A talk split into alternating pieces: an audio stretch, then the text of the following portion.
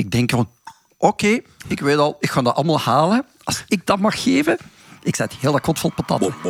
Dit is een podcast op wetenschap gericht. Wij zijn zelden van onwaarheden beticht. En wij zijn nog nooit voor corruptie gezwicht. Dit is het Nerdland. Maandoverzicht. Met uw gastheer Lieven Scheire. Oh yeah. Een goede dag iedereen, welkom bij alweer een nieuwe aflevering van het Nerdland Maandoverzicht. De aflevering september 2023. En wij kijken terug op het wetenschapsnieuws dat ons de voorbije maand het meest is opgevallen. Vandaag is het 28 augustus, onze opnamedag. En ik zit hier met Marian Verhels. Hoi, hoi. Jeroen Baert. Hallo. Peter Berks. Goedenavond. Els Aerts. Hallo. En Hetty Helsmoort. Dag, lieven. En we gaan er gewoon direct in vliegen, want eh, er is redelijk wat gebeurd. Onze vorige opname is ook alweer een tijdje geleden, want we hebben vroeg opgenomen in, eh, in juli. Daarmee. Waarmee zullen we beginnen? Oh, met heugelijk nieuws. Hetty, hoera! Het menselijk genoom is compleet ontcijferd.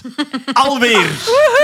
Alweer is, de laatste, is het laatste stukje van de puzzel gelegd.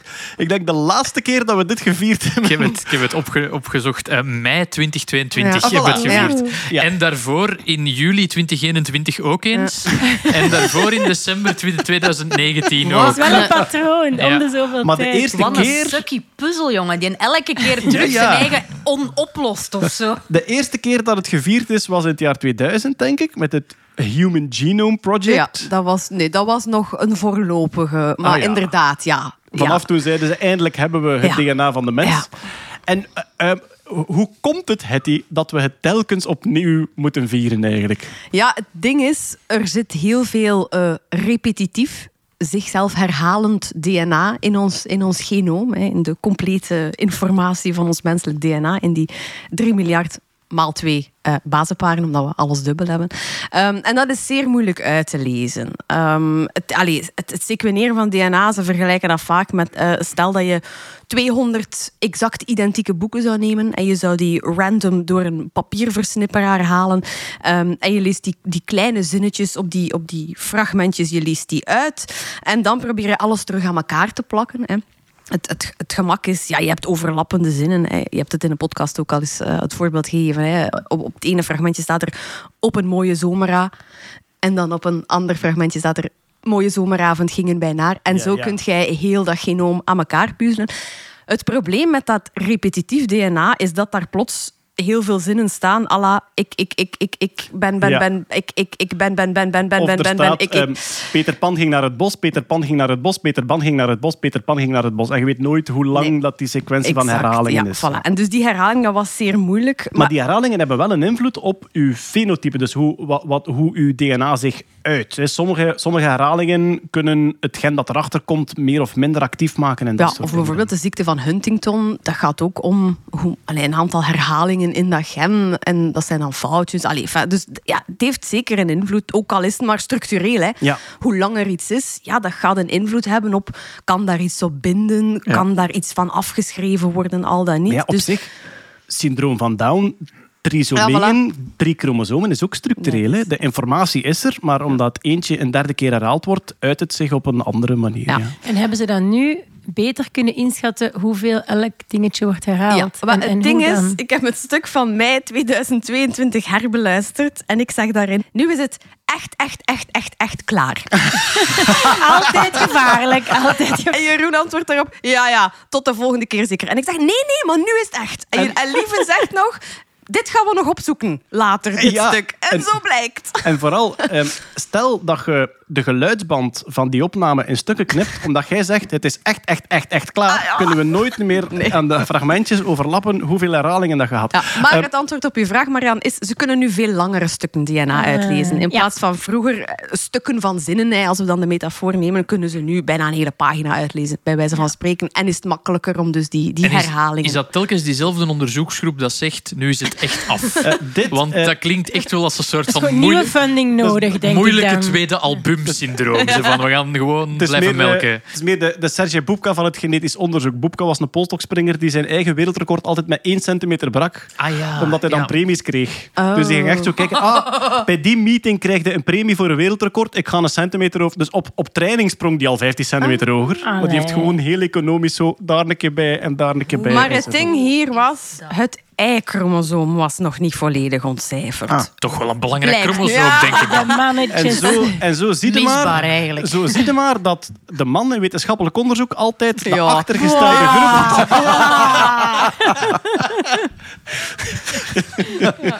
Ah, oké. Het Y-chromosoom, ja, eh, m- moeilijker omdat er minder van te vinden is waarschijnlijk. Nee, omdat het zeer, zeer repetitief is. Ah, is bijna, het echt? ja, bijna de Er helft. zit niet zoveel inhoud Nee, het is allemaal hetzelfde. Die herhalen zichzelf. Jongens, voor een, Herhalen, voor een sessie herhalen. mannen versus vrouwen We hebben podcast. te is dat veel de gewoon- Barbie-film gekeken. Dit is aan ons. Eh, nee, nee, bijna de helft van dat chromosoom bestaat echt uit ja, afwisselende blokken zelfs, van twee maar specifieke zich herhalende sequenties. Dus het is echt zo... Zo, biervoetbal, biervoetbal, biervoetbal. Ah, heerlijk, heerlijk. maar ze zouden volgens dat artikel zelfs 41 nieuwe genen gevonden hebben. Genen. Echt waar? Want, dat moet je Ja. misschien even duiden, een gen is een stuk uit die hele letterreeks die echt een eiwit eh, Ja. beschrijft. Ja. Dus eh, de voornaamste functie van DNA is eh, de recepten van de eiwitten. Dat zijn dan uw genen. Maar heel uw lettercode tussen die recepten voor eiwitten, tussen die genen, staat er heel veel andere Ja. tekst waarvan ze vroeger dachten het heeft geen enkele functie, waarvan ze nu denken het heeft soms wel een functie, soms niet. We weten niet altijd wat. Slechts 1 à 2 procent van ons DNA codeert voor die eiwitten. Dus we zitten met 98 procent dat ze vroeger junk DNA noemden, waarvan dat ze dachten dat is afval, dat is rommel. Maar nu allee, wijst steeds meer er onderzoek erop. Tuurlijk, dat dat er echt... Dus je hebt, een, je hebt een kookboek en slechts 2% zijn eigenlijk recepten. En Ja. al de rest daartussen zijn een soort lettersequenties die dan... Oké, ik ga de metafoor te ver drijven. Hè. Ja. Die dan... Oh ja, ik ben, ik ben er. Eh, stel je voor, je hebt een kok die gewoon dom afleest en uitvoert, maar die moet tussen een bepaald recept en de volgende stap moet die een half uur wachten. Dan zou hij eigenlijk een half uur woorden zetten waar hij niks mee kan doen, zodat hij gewoon verder leest. en Gewoon zijn een tijd roman of Ah, ja. zo, dat Voilà. je ondertussen... Maar dat hem ja. exact een half uur aan leest. Ja. Inderdaad. Ja. En als dat ingekort wordt, dan haalde uw soufflé te vroeg uit de hoofd. Busy waiting. Ja, voilà. Ah, goed, Oké. goed. Oh, hoef mijn metafoor blijft. Oh, nu moet ik iets nieuws verzinnen om hem toch te ver te drijven. Maar de klant in het restaurant... Nee, we gaan het niet Het doen. probleem is dat we nu al aan de vierde druk van deze kookboek zitten. Dat mag Ja, wel eens gedaan zijn dat ik de, de definitieve versie eindelijk in huis kan halen. Ah, maar het was nu wel dezelfde groep die het vorige keer aangekondigd heeft ook. Ehm, Ah, ik weet het niet, dat heb ik niet ja, opgezocht. ja, ik denk het wel. Ja, Dus de, de voor, de- het zijn dezelfde die vorige keer zeiden we zijn klaar. En ik vraag me af of ze nu handen wrijvend nog... Ja. Ja. Ik zeg het niet meer, ze. Ik... nou, nee? nee, ik dacht hier net nee. geld in te zetten. Op, Nee. Als eh, het nu echt de laatste keer is, dan is het wel spijtig I dat je dat niet ja, hebt gezegd. dat ik dat zo wat gedownscaled. Maar dat doet mij echt zo denken als je zoiets afwerkt, een manuscript of, een, of iets anders. Zo underscore final, Ja, ja. underscore final Final 2, final. underscore Klinkt- final het- final. Klinkt als de getuigen van Jehovah die voor de zoveelste keer het einde van de wereld hebben aangekondigd. Het is inderdaad hu- human genome, def, def, def. Daarom dat je van sommige mensen het genoom kunt uitlezen en als er draft op staat, dan weet je van oké, dat verklaart wel waarom dat... eh, Maar ja, belangrijk voor onderzoek stond er nog bij, omdat blijkbaar van sommige stukken DNA op dat Y-chromosoom tot nu toe gedacht wordt dat dat gewoon bacteriële contaminatie was in de, in de stalen of zo. Ah. En dat ze nu kunnen mappen van, oh, dat komt van dat Y-chromosoom. Ja, ja. Ah, want dan moeten we, dan moeten we misschien... is eigenlijk bacteriële contaminatie. Dachten ze. Of moeilijk te onderscheiden ervan, alleszins. Maar dat is, dat is toch ook weer... Dus ehm, virussen hebben effectief hun DNA ingeplant in ons genoom. Ja. Er zijn hele stukken van eh, alle planten en diersoorten die ooit in de geschiedenis door een virus ingeplant zijn bij ons. Eh, bacteriën doen dat niet. Maar dus als ze een sample onderzochten, als ze bij wijze van spreken de boek in elkaar gekapt hadden, dachten ze altijd van ah, we hebben hier toevallig Van onze hand of we hebben twee of ja. drie tijdschriften mee, hè, dus Ja. bacteriën van ons hand. En dus die stukjes blijken nu toch effectief in het Y-chromosoom. Oké, maar het is dus wel nog een boeiende toevoeging. Maar ja, och, wat moeten ze er nog over zeggen? Alleen ik bedoel... En zijn we nu echt klaar? Ik ga het niet meer zeggen. Wat zeggen zij zelf? Wat zeggen die onderzoekers zelf? Eh, ja, maar ja, dat zeiden ze vorige keer. Nee, ja, toen... Ja, nee, ja. Ik, nee, ik zeg niks meer. Wat is de volgende stap? Nee. Wat, is het logisch, eh, lo- het meest... Als, ik bedoel, het eerste album was iets ontrafelen. Wat is het logische volgende ding dat je ontrafelt? Ik ga misschien een bouwde stelling doen. Hè. Volgens mij zal het menselijk genoom nooit compleet zijn. Wat? Nee, omdat we zijn hier altijd aan het praten over een soort referentiegenoom, waar dat we dan... Maar wat is de mens? Is dat een blauwogige? Is dat een bruinogige? Ja. Is dat een... De mens, je En kunt al daar niet aan al uit. die hè. honderdduizenden miljoenen variaties Ja. die erop zitten. Hè? Ja, Ja. vijf Zo extreem Rick. Torfs van u. Ja, Wat is dat eigenlijk? De mens. voilà, voilà. Oké, ja, maar ik snap het wel. Het, het, er zit ook een heel groot deel, denk ik. ehm, framing is niet het juiste woord, maar de manier waarop dat je iets interpreteert, is, heb ik de indruk bij heel van die genoomprojecten, de helft van het verhaal. En ik zag nu ook dat het, het stuk genoom dat ze hebben ontrafeld, is van iemand die nooit geboren is. Want het is genoom van een meisje dat bij een vroegtijdige afbreking van de zwangerschap een, een speciaal defect had of zo, waardoor dat zij heel geschikt was om Maar dat genoom te ontrafelen. Niet dit, hè, want zij Ah, heeft geen ei-chromosoom. Ah nee, ja, tuurlijk. Ja, ja, ja, geen Ja. meisje. Ja, obviously. Maar Nee. Maar ja, inderdaad, het- ik, we hebben het er al honderd keer over gehad. Dat uitlezen, die letters aan zich, daar zijn we eigenlijk niet zo heel veel mee. Ik zag nu bij Nebula Genomics zitten ze aan 99 dollar voor whole genome sequencing. Wat? Ja. Onder de honderd. Onder de 100. Ja, het was ja. Ja, pijzen. Ik, drempel. ik heb hem nog voor 300 Ja. eh, gekocht. Wel maar vier keer coverage. Hè. Dus, Ah, ja. allee, eh, deep sequen, allee, 30 keer coverage is zo wat de standaard. Dat zit nu aan 149 dollar. Dus dat is ook Ja. voor binnenkort dat dat daaronder duikt. Maar, allee, maar inderdaad, dan begint het pas. Hè. Het is die interpretatie van die data. Wat zijn we daar nu mee? Wat, wat betekent Ik zeg altijd, we kunnen het lezen, dat genoom. Maar begrijpend lezen, daar zullen we nog een Ja, paar voilà. decennia voor nodig hebben. Oké, maar eh, we zijn blij dat we om de zoveel tijd feest kunnen vieren. Echt, Dus het was doe nu, het niet eh, meer. Het was nu anderhalf jaar geleden en eh, we gaan nu... eh, we hebben ja. nu zo- zo'n grote, zo'n grote flip overhangen van zoveel dagen sinds menselijk genoom volledig ontrafeld is. En we moeten die nu terug op nul zetten. Ja. Eh, ja, om maar over te gaan naar het volgende onderwerp. Er was deze zomer nu toch een of ander Twitterfeestje in de material science. Ik denk dat het lang geleden is Ja. dat er nog zoveel gememd is en dat er nog zoveel spannend, ja. buzz was over material science. Eh, we hebben het natuurlijk over ehm, LK99, LK99. Eh, ik neem aan dat nu de helft van ons luisteraars denken van amai, wat was dat? En de andere helft denkt, huh, wat? LK99? Wat is dat? Wat is dat? Ja, voilà. Dus eh, ik zal het even heel kort eh, opzetten. LK99 was, eh, het is een materiaal, dus het is een, een, ehm, is keramisch, hè? het is een mengeling van ja, allerlei eh, koper zit erin en nog. Lo- eh, koper, lood, fosfor en zuurstof. Ah ja, voilà. Ja. En ah, ik kan het direct vragen, is dat dan een, een legering? Of, eh, Ja, het is een legering van die ehm, compound in het Engels, dus legering. Hè? ah, dat weet ik niet. Eh, compound, dat is, eh, dat is een Samenstelling. flatgebouw. Is het niet keramisch? Want heel veel van die eh, supergeleiders zijn toch meestal keramische Ah, het is dus materialen. een Ah ja, want we zijn... Ja, we ja. sorry, sorry. We, gaan, we, we gaan verder met de intro.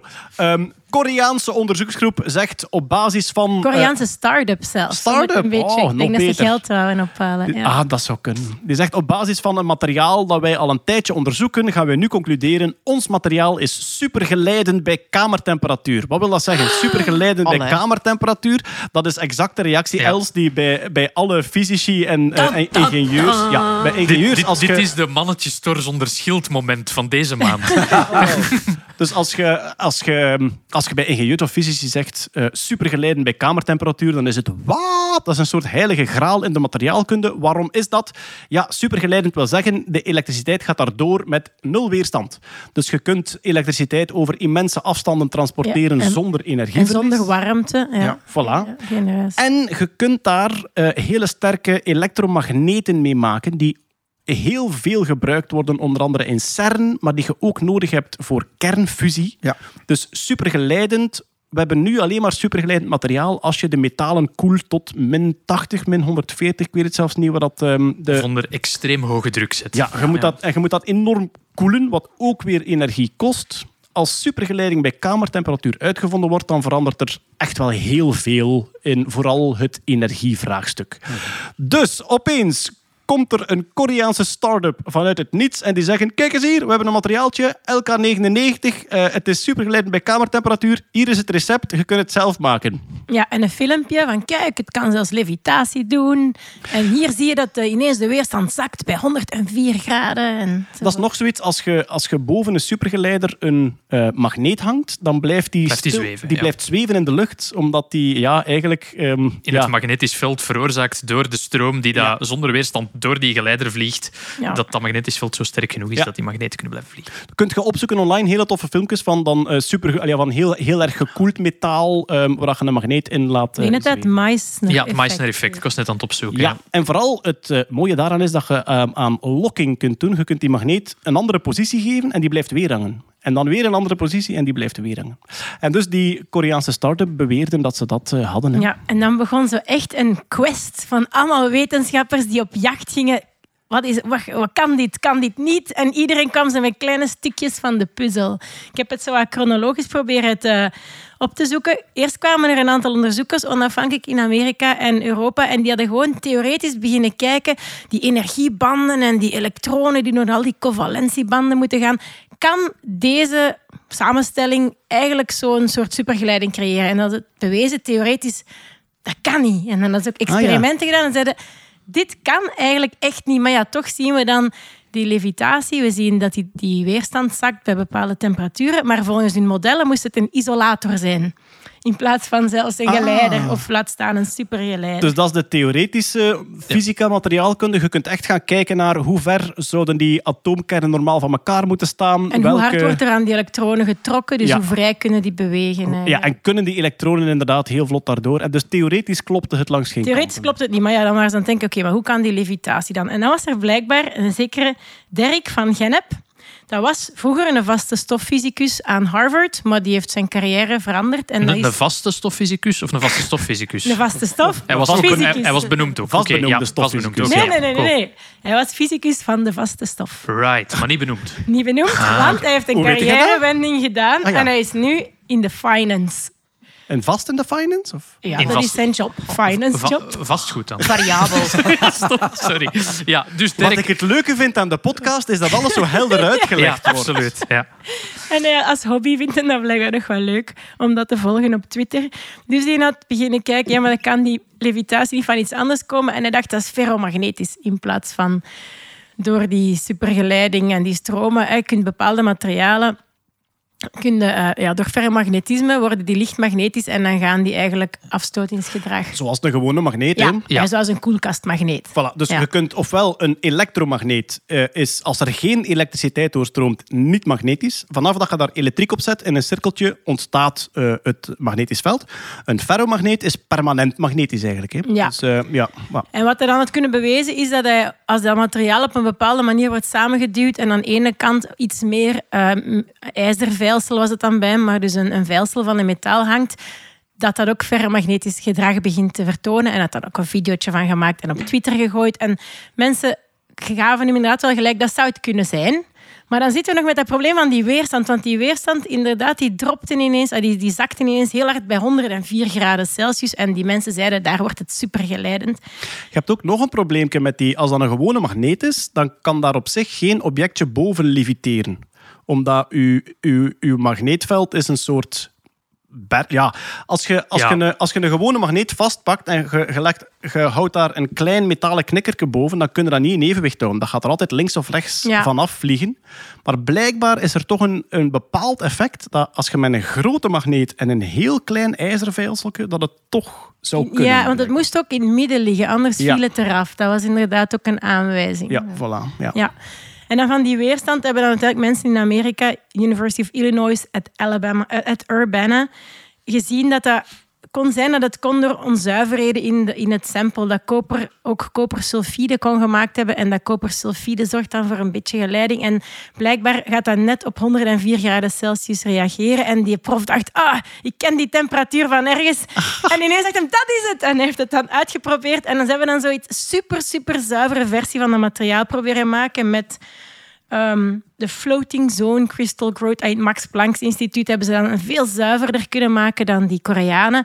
En dat effect van die weerstand was weg. En wat hadden we inderdaad? Gewoon een isolator. Een hele goede isolator van 1 miljoen ohm weerstand. Maar wat een, wat een Ja. escape room was Ja, dat, het, was- zeg. het, het leuke was, jullie hebben dat op Twitter gevolgd, ik niet, maar ik zag dat op Archive. Dat is zo Ah, de ja, ja. publicaties. Ja. Normaal duurt een publicatie een half jaar. Maar dus ja, dat kan dan niet zo rap evolueren. Maar Archive, daar kan je zelf niet gereviewde papers op gooien. Ah, en ja. Als mensen beginnen die dan te citeren en, en dan stijgen die in de ranking. En alles wat ik nu verteld heb, dat werd elke keer op Archive gegooid. En de volgende week later, de volgende. En op, op vijf weken, zes weken tijd hebben gewoon al die onderzoeken en al die publicaties en die oorlogsjes geweest. Maar dat is het, Het is gekke. ontkracht. Maar dat is het gekke. dat- Het is inderdaad ontkracht. hè. Dus Ja. het, is inderdaad, was die, het was gewoon een, een magnetische dipool die gevormd werd. En het was geen, geen supergeleiding. Maar dit was echt een soort wetenschappelijk dingetje. Maar dan volledig in internetcultuur. Ja. Iemand eh, lanceert een steekvlam. Heel veel anderen gaan daarmee aan de slag. Dat wordt zo een beetje naar links geduwd, een beetje naar rechts geduwd. Met het verschil hier dat je moest dan wel dat recept van die Koreanen volgen. Dus je moest echt wel al wat materiaal hebben en een labo. En dan bij Max Planck hadden ze dat dan nog wat... Nog wat zuiverder Dus het was echt zo, ja, meme-achtige materiaalkunde. Maar iedereen, iedereen wilde het wel. Er was een zekere, een zekere. Ja, ik, ik je voelde dat er mensen eindelijk zoiets hadden van dit is de beste kans die je tot nu toe gehad hebt. Want dat is net zoals het menselijk genoom. Om de twee jaar wordt er eens Ja. een supergeleider uitgevonden en is iedereen Ja. daar heel enthousiast over. Dit leek voor de eerste keer iets waar dat echt meer achter zat. De, eh, het algemene gevoel, en de zin die ik vaak gelezen heb, eh, was in het begin, hè, de kans dat dit klopt is eigenlijk klein, maar de gevolgen, als het klopt, zijn ja, zo tuurlijk, groot dat we hier wel vol voor gaan. Zeker in een wereld die in- met een energieprobleem zit en zo. Allee, dat zou Ja. echt wel... Maar wat- ja, wat ik zo ongelooflijk vond, vroeger zou dit ook hebben gebeurd, maar dat zou bijna vijf jaar zijn overgegaan. Ja. En nu is dat gewoon op anderhalf maand beslecht hoe rap dat we kunnen evolueren doordat dat wat zo was snel kan de insteek van die, van die Koreanen? Dat was echt iets wat hen opgevallen was? Of was het een, een media van Zij waren blijkbaar al heel lang op zoek, want er heeft ooit iemand theoretisch bewezen dat die covalentiebanden, maar ik begeef mij nu op zwak terrein voor mezelf, maar die covalentiebanden, dat wil zeggen hoeveel, hoe een elektron kan overspringen van de ene energiefase naar de andere, dat die met bepaalde loodlegeringen heel interessant zou komen liggen, theoretisch. En zij zijn al lang op zoek om dat praktisch te kunnen gaan exploiteren voor zo'n supergeleider. Maar waarom gooi je dat de wereld in op het moment dat je eigenlijk totaal nog niet Ik weet? denk dat zij echt die metingen hebben gedaan en naïef hebben gedacht van... Kijk, we, zien het, inderdaad levitatie. En, en dat zij de scoop wouden en misschien voor hun start-up funding nodig Mhm. hadden. Ik weet het niet, maar het was een beetje te rap. En weet je hoe lang dat ze er al mee bezig zijn? Dat weet Echt een, een, een, een, een goed decennium, denk ik. 24 jaar. Ah ja, Ah. Die start-up. Nee, nee, niet die start-up, Ah. maar de onderzoeksgroep. De 99 komt van 1999. Maar ik ging nog vragen, waar komt die naam vandaan? Ja, ehm, Lee en Kim waren twee Wat? mensen. Ja, ja, Lee en Kim die erop gewerkt hebben in 1999, vandaar LK99. Oh. Eh, en ik denk dat er onlangs iets gebeurd is in die, in die groep mensen die erop bezig was, waardoor ze dachten, het is echt ons moment om het nu, om het nu te gaan Binnen het lanceren. uit, waarschijnlijk. Maar het wilde net over 104 graden, dat is wel geen kamertemperatuur. Valt er niet welke tot kamer, hè? Dus ah, tot en met. Oké, ja, ja, sorry. oké. Ja, omdat Ja. De, de weerstand wegviel bij 104. Ja, dat is waar. Ja. En, eh, ja, wat dat jij wel gemist hebt eh, op Archive is eh, de Russian Cat Lady. Ah ja. De Russian ik Cat Lady. gemist. Heb jij die volledig gemist? Ja, Ah ja, op een bepaald ben moment. benieuwd. Ja, wel, dus Oh nee. op een bepaald moment, die discussie is bezig. En dus, zoals dat gezegd, op Twitter zijn er echt zowel de... Dat was het mooie, dat zowel de theoretici daar echt rekenkracht en inzicht in gegooid hebben. Ik bedoel, hoeveel internetdiscussies komen erop? Ja, maar de covalentiebanden kloppen theoretisch niet. Dat de, de, ehm, ja, de, de, experimentele fysici ook die materialen echt beginnen maken zijn en beginnen doen. Op een bepaald moment komt er op Twitter een, een Russische vrouw met een soort anime cat lady als, eh, als avatar. En die werd dan ook Russian cat lady genoemd. En die begon iedereen in die discussie uit te schelden. Die zei... Eh, ik heb LK99 gemaakt. Eh, ik heb het recept van de Koreanen niet gevolgd, want dat is veel te ingewikkeld. Je kunt dat veel gemakkelijker doen. Zo, zo, zo en zo. Wat bleek, het klopt wat ze zei. Wat? Dus dat was echt ook, dat was echt ook een wetenschapper. En die zei, eh, ja, uw, ehm, uw methode is veel te ingewikkeld. Ik heb het eenvoudiger gemaakt. Kijk, ik heb het hier gemaakt in mijn living. En hier is een foto van een klein stukje dat leviteert boven een magneet. Of het supergeleiding is, weet ik niet, maar hier is het materiaal.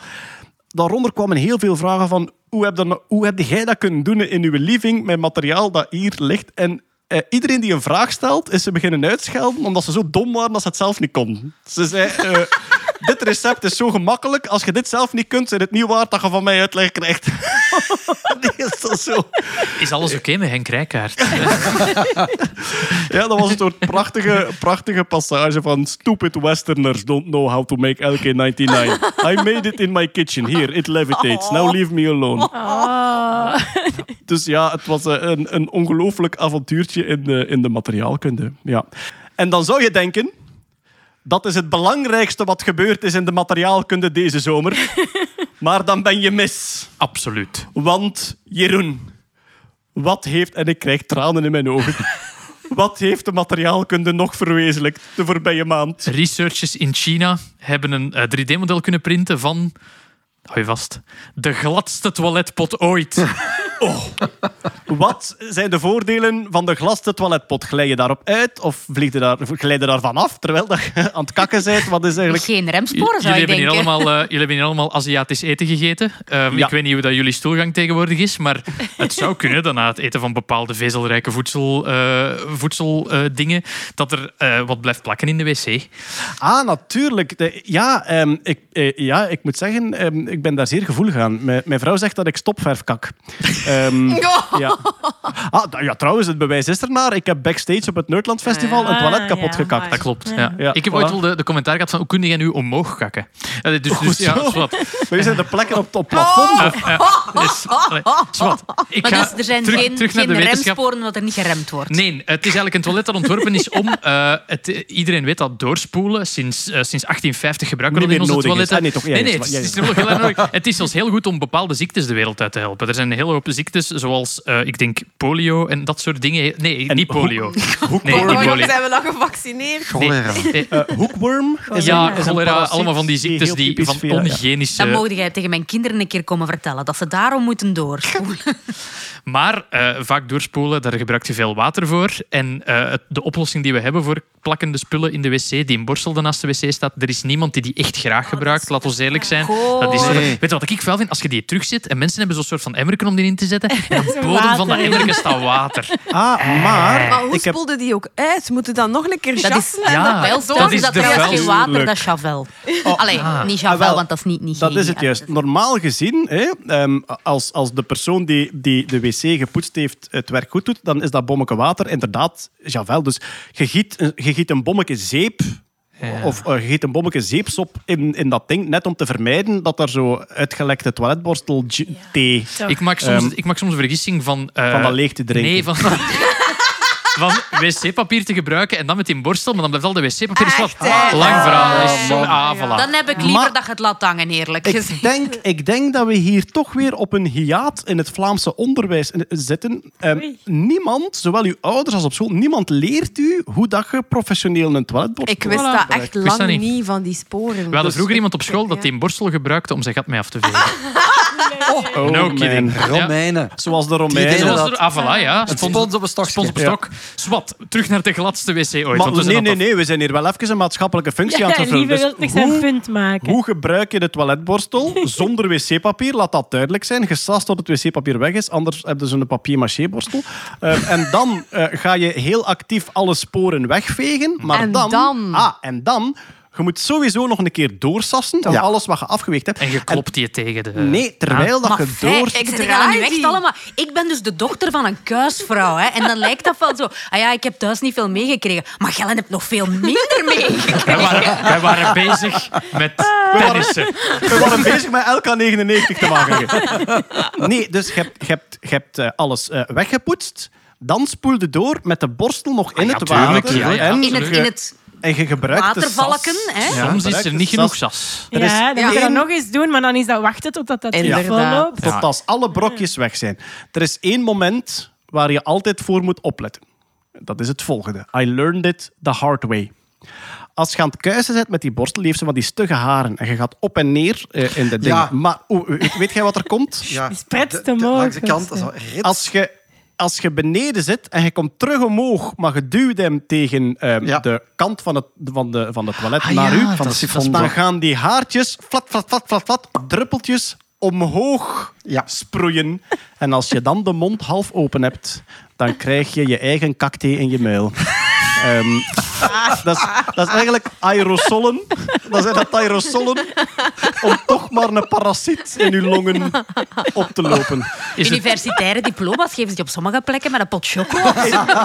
is het dit wat de sponsor wil? Ja, ehm, na deze educatieve uitweiding, Iedereen is toch al af- voilà, na deze educatieve uitweiding, waarover ging het alweer? Ah ja, eh, de gladste toiletpot, dus een materiaal waar geen sporen op achterblijven. En je zou dan denken, een materiaal waar geen sporen op, achter, op achterblijven, dat is goed voor eh, de waterconsumptie. Je moet geen 10.000 keer doorspoelen, je moet niet met die borstel bezig zijn. Maar wij hebben al een materiaal dat we gebruiken in de keuken, waar dan niks aan blijft plakken.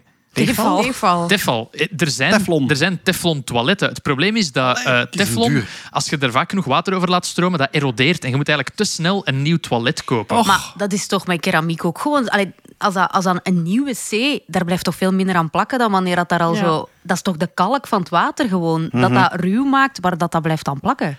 Wel, het mooie, het mooie aan dit materiaal is, het is een soort van plastic en hydrofobe zandpartikels die ze met lasers in elkaar gekwakt hebben, eh, 3D geprint. Het is, ze hebben een, een wc geprint die één tiende zo groot is als een echte wc. Ja. Ja, maar Omdat- daar kun je gewoon, toch gewoon niet in kakken. Ja, maar dat- als Die, test... die, ah, wel, die wc backstage in het Nerdland Festival die Ja, was ook ja. één tiende, één tiende zo groot als een echte wc. Het coole aan dat materiaal is dat het niet alleen op het oppervlak ander organisch materiaal afstoot, maar ook de, het materiaal erin.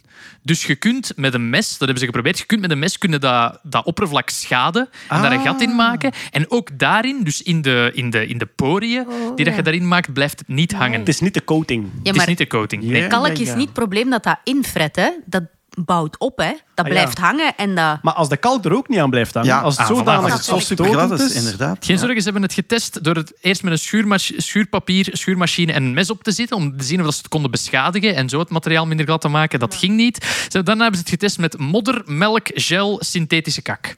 Oké. In die volgorde. Allemaal geen El- probleem. Haar Ehm, punt is, je moet daar 500.000 keer water over laten lopen. En Als dan... dat tien jaar in mijn huis staat En en, dat is, wordt eh, door vijf mensen gebruikt, dan. Ze hebben er 5000 liter water doorgejaagd. Ik wil mij nu eigenlijk, ik wil mij nu eigenlijk persoonlijk aanbieden om de Turing-test van het remsporenvrije toilet te zijn. Als je Ehm, liever jij aankijkt... heel ja. moeten kakken, want het is 1 tiende. Nee, nee, juist niet. Kutteltje Als ze daarin slagen. Het probleem, want je hoort al, het probleem komt, het materiaal is verschrikkelijk duur om te maken, maar zij zeggen, dit is misschien een oplossing voor openbare toiletten. Namelijk toiletten waar er zeer veel gebruik van is. Daarvan zouden we kosten-baten wel kunnen afwegen om, Maar, eh, om, om zo'n pot te zetten. Het is heel duur in aankoop, maar je moet je ook vragen wat is mijn huwelijk mij waard. Ehm, dus ik, ik weet wat, ik ga je voorstellen voor de Ig Nobelprijs voor de vrede. Want Lieve zou heeft nu zoiets van, shut up and take my money. Ah, Het heeft ook een geweldige naam. Het is de Abrasion Resistant Super Slippery Flush Toilet.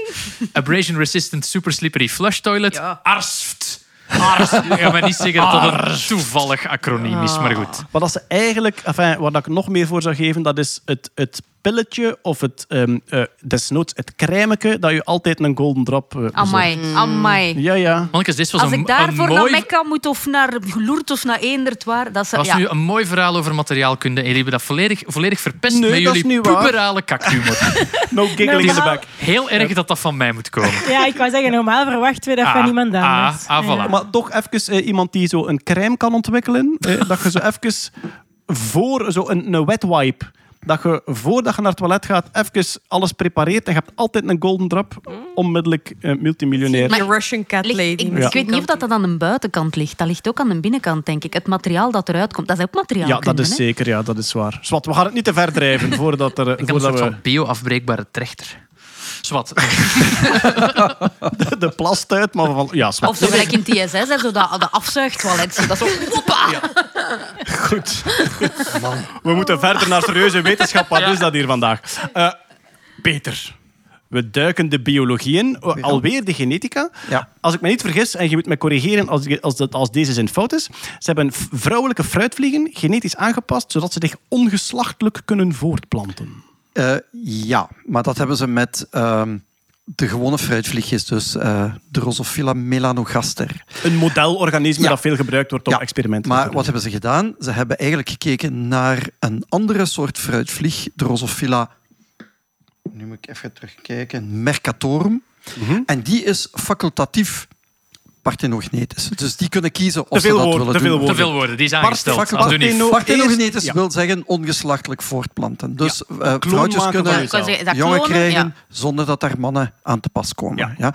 Komt bij ehm, heel veel dieren, bij planten ook voor. Eh, heel veel insecten, waaronder bijvoorbeeld eh, heel bekend zijn wandelende takken, hebben dat heel veel. Echt, ja? Ja, wandelende takken kunnen zich bijna allemaal Ja, maar dat is, parthenogenetisch dat, is in, dat is in populaties waar er ook mannetjes aanwezig Ja, zijn. ja, ja, dus die ja. kunnen, die Maar- kunnen gewoon kiezen. Maar die zijn dus Ja. wat ze noemen facultatief ah, dus je kunt vind ik, kiezen. eh, Ja. Of, ofwel met een vent ofwel zonder. Dat vind Ja. ik gelijk heel goed voor een genenpool en ook goed voor Ja. een individu. Zo Voor gelijk, ons, hè. ja. Jullie zien dat zitten, ja. Is dat omdat die zo kort leven, dat die gewoon geen tijd hebben voor... eh, Of geen goesting. Geen vent in mijn OS. Seks kost veel te veel energie soms. Kijk, ik het zeg is dat heel ook, maar gemakkelijk om u, om u ongeslachtelijk voor te planten, want dat is, daar is geen andere... Heel, heel, dat, heel ja, dat gedoe daar rond moet je dat niet doen. Ik zeg dat ook, maar Sien wordt daar kwaad van. Ik snap het ook allemaal niet. eh. Eh, het tegenovergestelde is obligaat parthenogenetisch. Dan kun je niet anders. Ja. Ehm, en dus die eh, mercatorum, die kan dus kiezen. Hè? Ofwel is het met seks, ofwel is het zonder seks. Ja. En wat hebben ze nu gedaan? Ze hebben nu gekeken naar de, eh, de, de, de stam van Mercatorum die zich eh, via seks voortplant en de stam die zich zonder seks voortplant. En dan hebben ze gezien naar bepaalde genensequenties die eigenlijk die voortplanting aansturen. Waar zitten de verschillen op? En dan zijn ze gaan kijken hoe komt die tot expressie. En ze hebben dan bij melanogaster, dus bij de gewone fruitvliegen, diezelfde genen laten tot expressie komen. En wat blijkt, melanogaster kan zich dan ook facultatief parthenogenetisch voortplanten. En dat is de eerste keer dat ze dat hebben kunnen induceren. Ja, ja. ze, hebben, een ze hebben vrouwtjes vl- fruitvliegen de keuze gegeven. Maar Eh, die eerst die keuze niet Waar hadden. is Die Deze was keuze die niet keuze hadden. niet hadden Voilà. om het te doen. Je maakt er nu iets Ja. heel ideologisch van. dan, Ja, nee, van- maar ja. Ze hebben ze empowered. Nee, Nee, nee. Ze hebben ze This facul- Barbie ja, is een fruitvlieg. Maar dus inderdaad... eh, ah, serieus. ehm, de fruitvliegjes, wat konnen die daarvoor? Met, met seks of zonder seks? nee, nee, er zijn verschillende Nee, nee, er soorten zijn Ja, fruit. verschillende soorten de, de originele Je moet fruitvliegjes. de diversiteit van de fruitvlieg hier niet... Je veegt alle, alle fruitvliegen op één hoop, Jeroen. Zeg, is het nu gedaan? Nee. Zelfs alle twee Laat vijf de bladzijden meester, straf. de Hè? meester Ja. biologie Ja. spreken. Peter Berg staat in het onderwijs sinds vorig jaar. Eh, het gewoon te verduidelijken, meester. Maar ehm, dus eh, de, de facultatieve parthogenese bestond al in een andere soort fruitvlieg. Ja. En ze hebben die dan genetisch kunnen kopiëren in eentje die het nog niet had. In het modelorganisme. In het modelorganisme. Ah, ja, ja, ja. Drosophila melanogaster. Ja, ja, Ja, voilà. Oké. inderdaad. Nu snap ik het. Een, een, Is dat, eh, hier, is dat hier wedstrijd moeilijke woorden? Dat je, ik probeer het samen te vatten voor de man in de straat. Jij pakt het woord en je vat het samen met woorden waarvan het er geen enkel minder dan vier lettergrepen heeft. Jeroen, Maar je de wc-borstel gewone- gebruiken, hoorbaar. Wat kan een gewone fruitvlieg? Origineel. maar wat bedoel je met de gewone Niet fruitvlieg? parthenogenetisch. Met Alleen seks of zonder seks? Zonder seks. Zonder seks. Met seks, sorry, sorry. Met Ah, seks. ah, Met voilà, ah, voilà. Kato, Nu breng je mezelf in de war. Ik, ah, sorry dat ik u in de, de war breng als ik de moeilijke woorden kan wegpak. De gewone fruitvlieg kan alleen maar Kan met seks. alleen maar met seks. Ja. En dus En- nu hebben ze van een verwante fruitvlieg die de mogelijkheid heeft om te kiezen tussen met seks of zonder seks, Ja. hebben ze dat, dat specifiek stukje genoom, hebben ze bestudeerd en gezegd van ah, we gaan dat in die originele fruitvlieg ook eens proberen. En Ja. wat blijkt, nu kan die dat ook. Dus Ja, die kan heeft die dat ook, zonder de, seks. de keuze gekregen van die ander, zoals ik Helemaal. Iedereen die dit nog eens wil nalezen, de show notes eh, staan op um, maandoverzicht. Bestuderen ze nu wat dat die doen? Of doen die nu gewoon allemaal ongeslachtelijke voortplanting? Of mengelen die dan nog? Eh, welke bedoelt je? Dus die, de- origin, die fruitvlieg die... De, de mensen die de, de, de vrouwtjes fruit vliegen die nu opeens kunnen kiezen. Ja, na zoveel miljoen wat jaar van niet te kunnen kiezen kiezen. ze? Eh, da- daar zijn ze nog niet aan toegekomen. Ze hebben nog niet gekeken. Nee, nee, nee. Ze hebben nu wel gekeken. Ze hebben nu wel gekeken wat doen die embryo's eh, als die zich verder ontwikkelen. En dan krijg je triploïde embryo's. Dus dan krijg je er met drie sets chromosomen in Ah, plaats van twee. Ehm, Dat is wat er gebeurt. Dat dan. ging ik net eh, vernoemen. Er is één hagedissensoort die heel bekend is omdat er enkel vrouwtjes hebben. Dus die hadden ooit eh, facultatieve parthogenese. En die hebben daar zodanig... Iets te groot succes. En wel, die hebben daar zodanig, maar effectief, die hebben daar zodanig gebruik van gemaakt dat de mannetjes uitgestorven zijn. Ja. Dat is natuurlijk ehm, dat is een evolutionair dead end. Hè. Dus als, er, als de omstandigheden heel erg veranderen, gaan die waarschijnlijk niet Ja. genoeg kunnen muteren. Ja. Maar, en dat vond ik daar heel boeiend aan, de dochters zijn geen klonen van de vrouwtjes, omdat ze ook drie chromosomensetten hebben in plaats van Ah, twee. oké. En dus ze kunnen daarin nog mengen en andere Want- sets doorgeven. Want dat is natuurlijk het grote nadeel van ongeslachtelijke voortplanting. Dat is dat je voornamelijk klonen van jezelf eh, produceert. En de En als evolutie er dan ergens ja. iets gebeurt, dan, Ben je heel kwetsbaar. dan ben je heel kwetsbaar, want je bent allemaal dezelfde, eh, dezelfde individuen. Je hebt En- geen evolutionaire selectie. Nee, want Ja. dat is natuurlijk het voordeel van seks. Uw, uw kaarten worden altijd... Ge... Daarom Ah, natuurlijk. De kaarten worden altijd ge- Liefke, we gaan de kaarten nog een keer schudden. Serieus met uw boek schudden. Ik heb de joker getrokken. Ik- Ja, voilà. Je hebt ook solo Dus- kaartspelletjes. jij was net aan het zeggen, bij die fruitvliegen zijn er dan ook met drie sets. Dat zijn dan die... Nee, nee, dat is nu in, in het labo gebeurd. Ze hebben het nu gezien. Maar wat dat dan... eh, En dat zijn degenen die on... zonder seks zijn voortgeplant.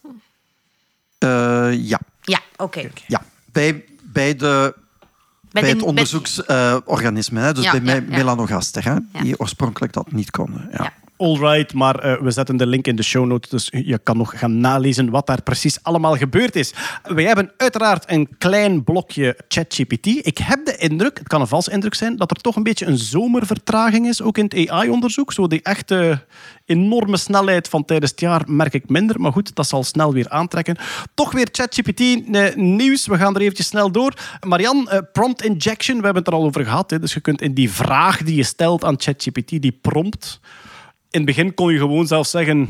Ignore the above instructions en dan negeerde die alles. Dat is allemaal gepatcht en opgelost. Maar Of er is dingen nu... zoals mijn oma werkt in een napalmfabriek. Stel dat ze mij een verhaal vertelt s'avonds thuis over hoe ze napalm maakt. Hoe zou dat eruit zien, dat verhaal? Dat soort Ja, trucken. ja, voilà. Ja. Ehm, eh, er is nu een eh, nieuwe prompt injection gevonden waarvan dat ze zeggen van we, we weten nog niet goed hoe we dit gaan oplossen. Ja, de clue is dat ze niet een prompt hebben gevonden, maar ze hebben een manier gevonden om heel snel prompts te vinden waar het systeem nog niet tegen kan.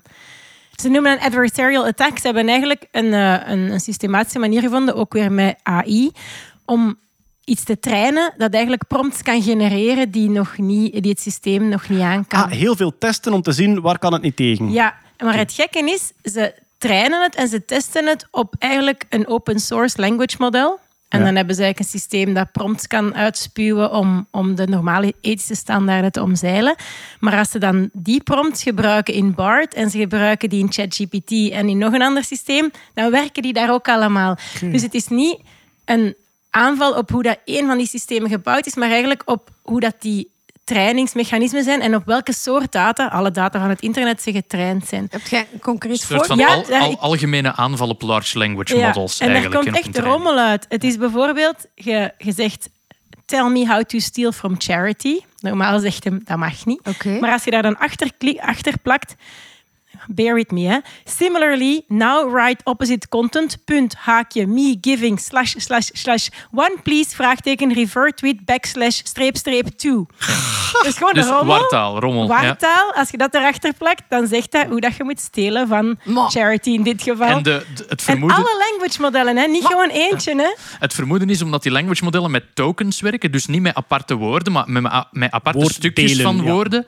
En door die sequentie tokens erachter te plakken, want dat zijn telkens maar heel korte stukjes, Ja. dat je die zo in de war kan brengen of toch iets kan triggeren Maar om wat is buiten nu die het safeties te gaan. Stel, ja, natuurlijk, ze hebben dat eerst naar ChatGPT en BART gestuurd, nog voor ze het publiceerden. Maar die hebben dat dan gepatcht voor die voorbeeldzinnetjes van de Ah, voor die publicatie. ja, maar ja. morgen hebben die mannen er weer duizend andere. Ah, oké. En nu, daarom zeggen ze ook in de titel van... We weten nog niet hoe dat we met die aanval moeten omgaan.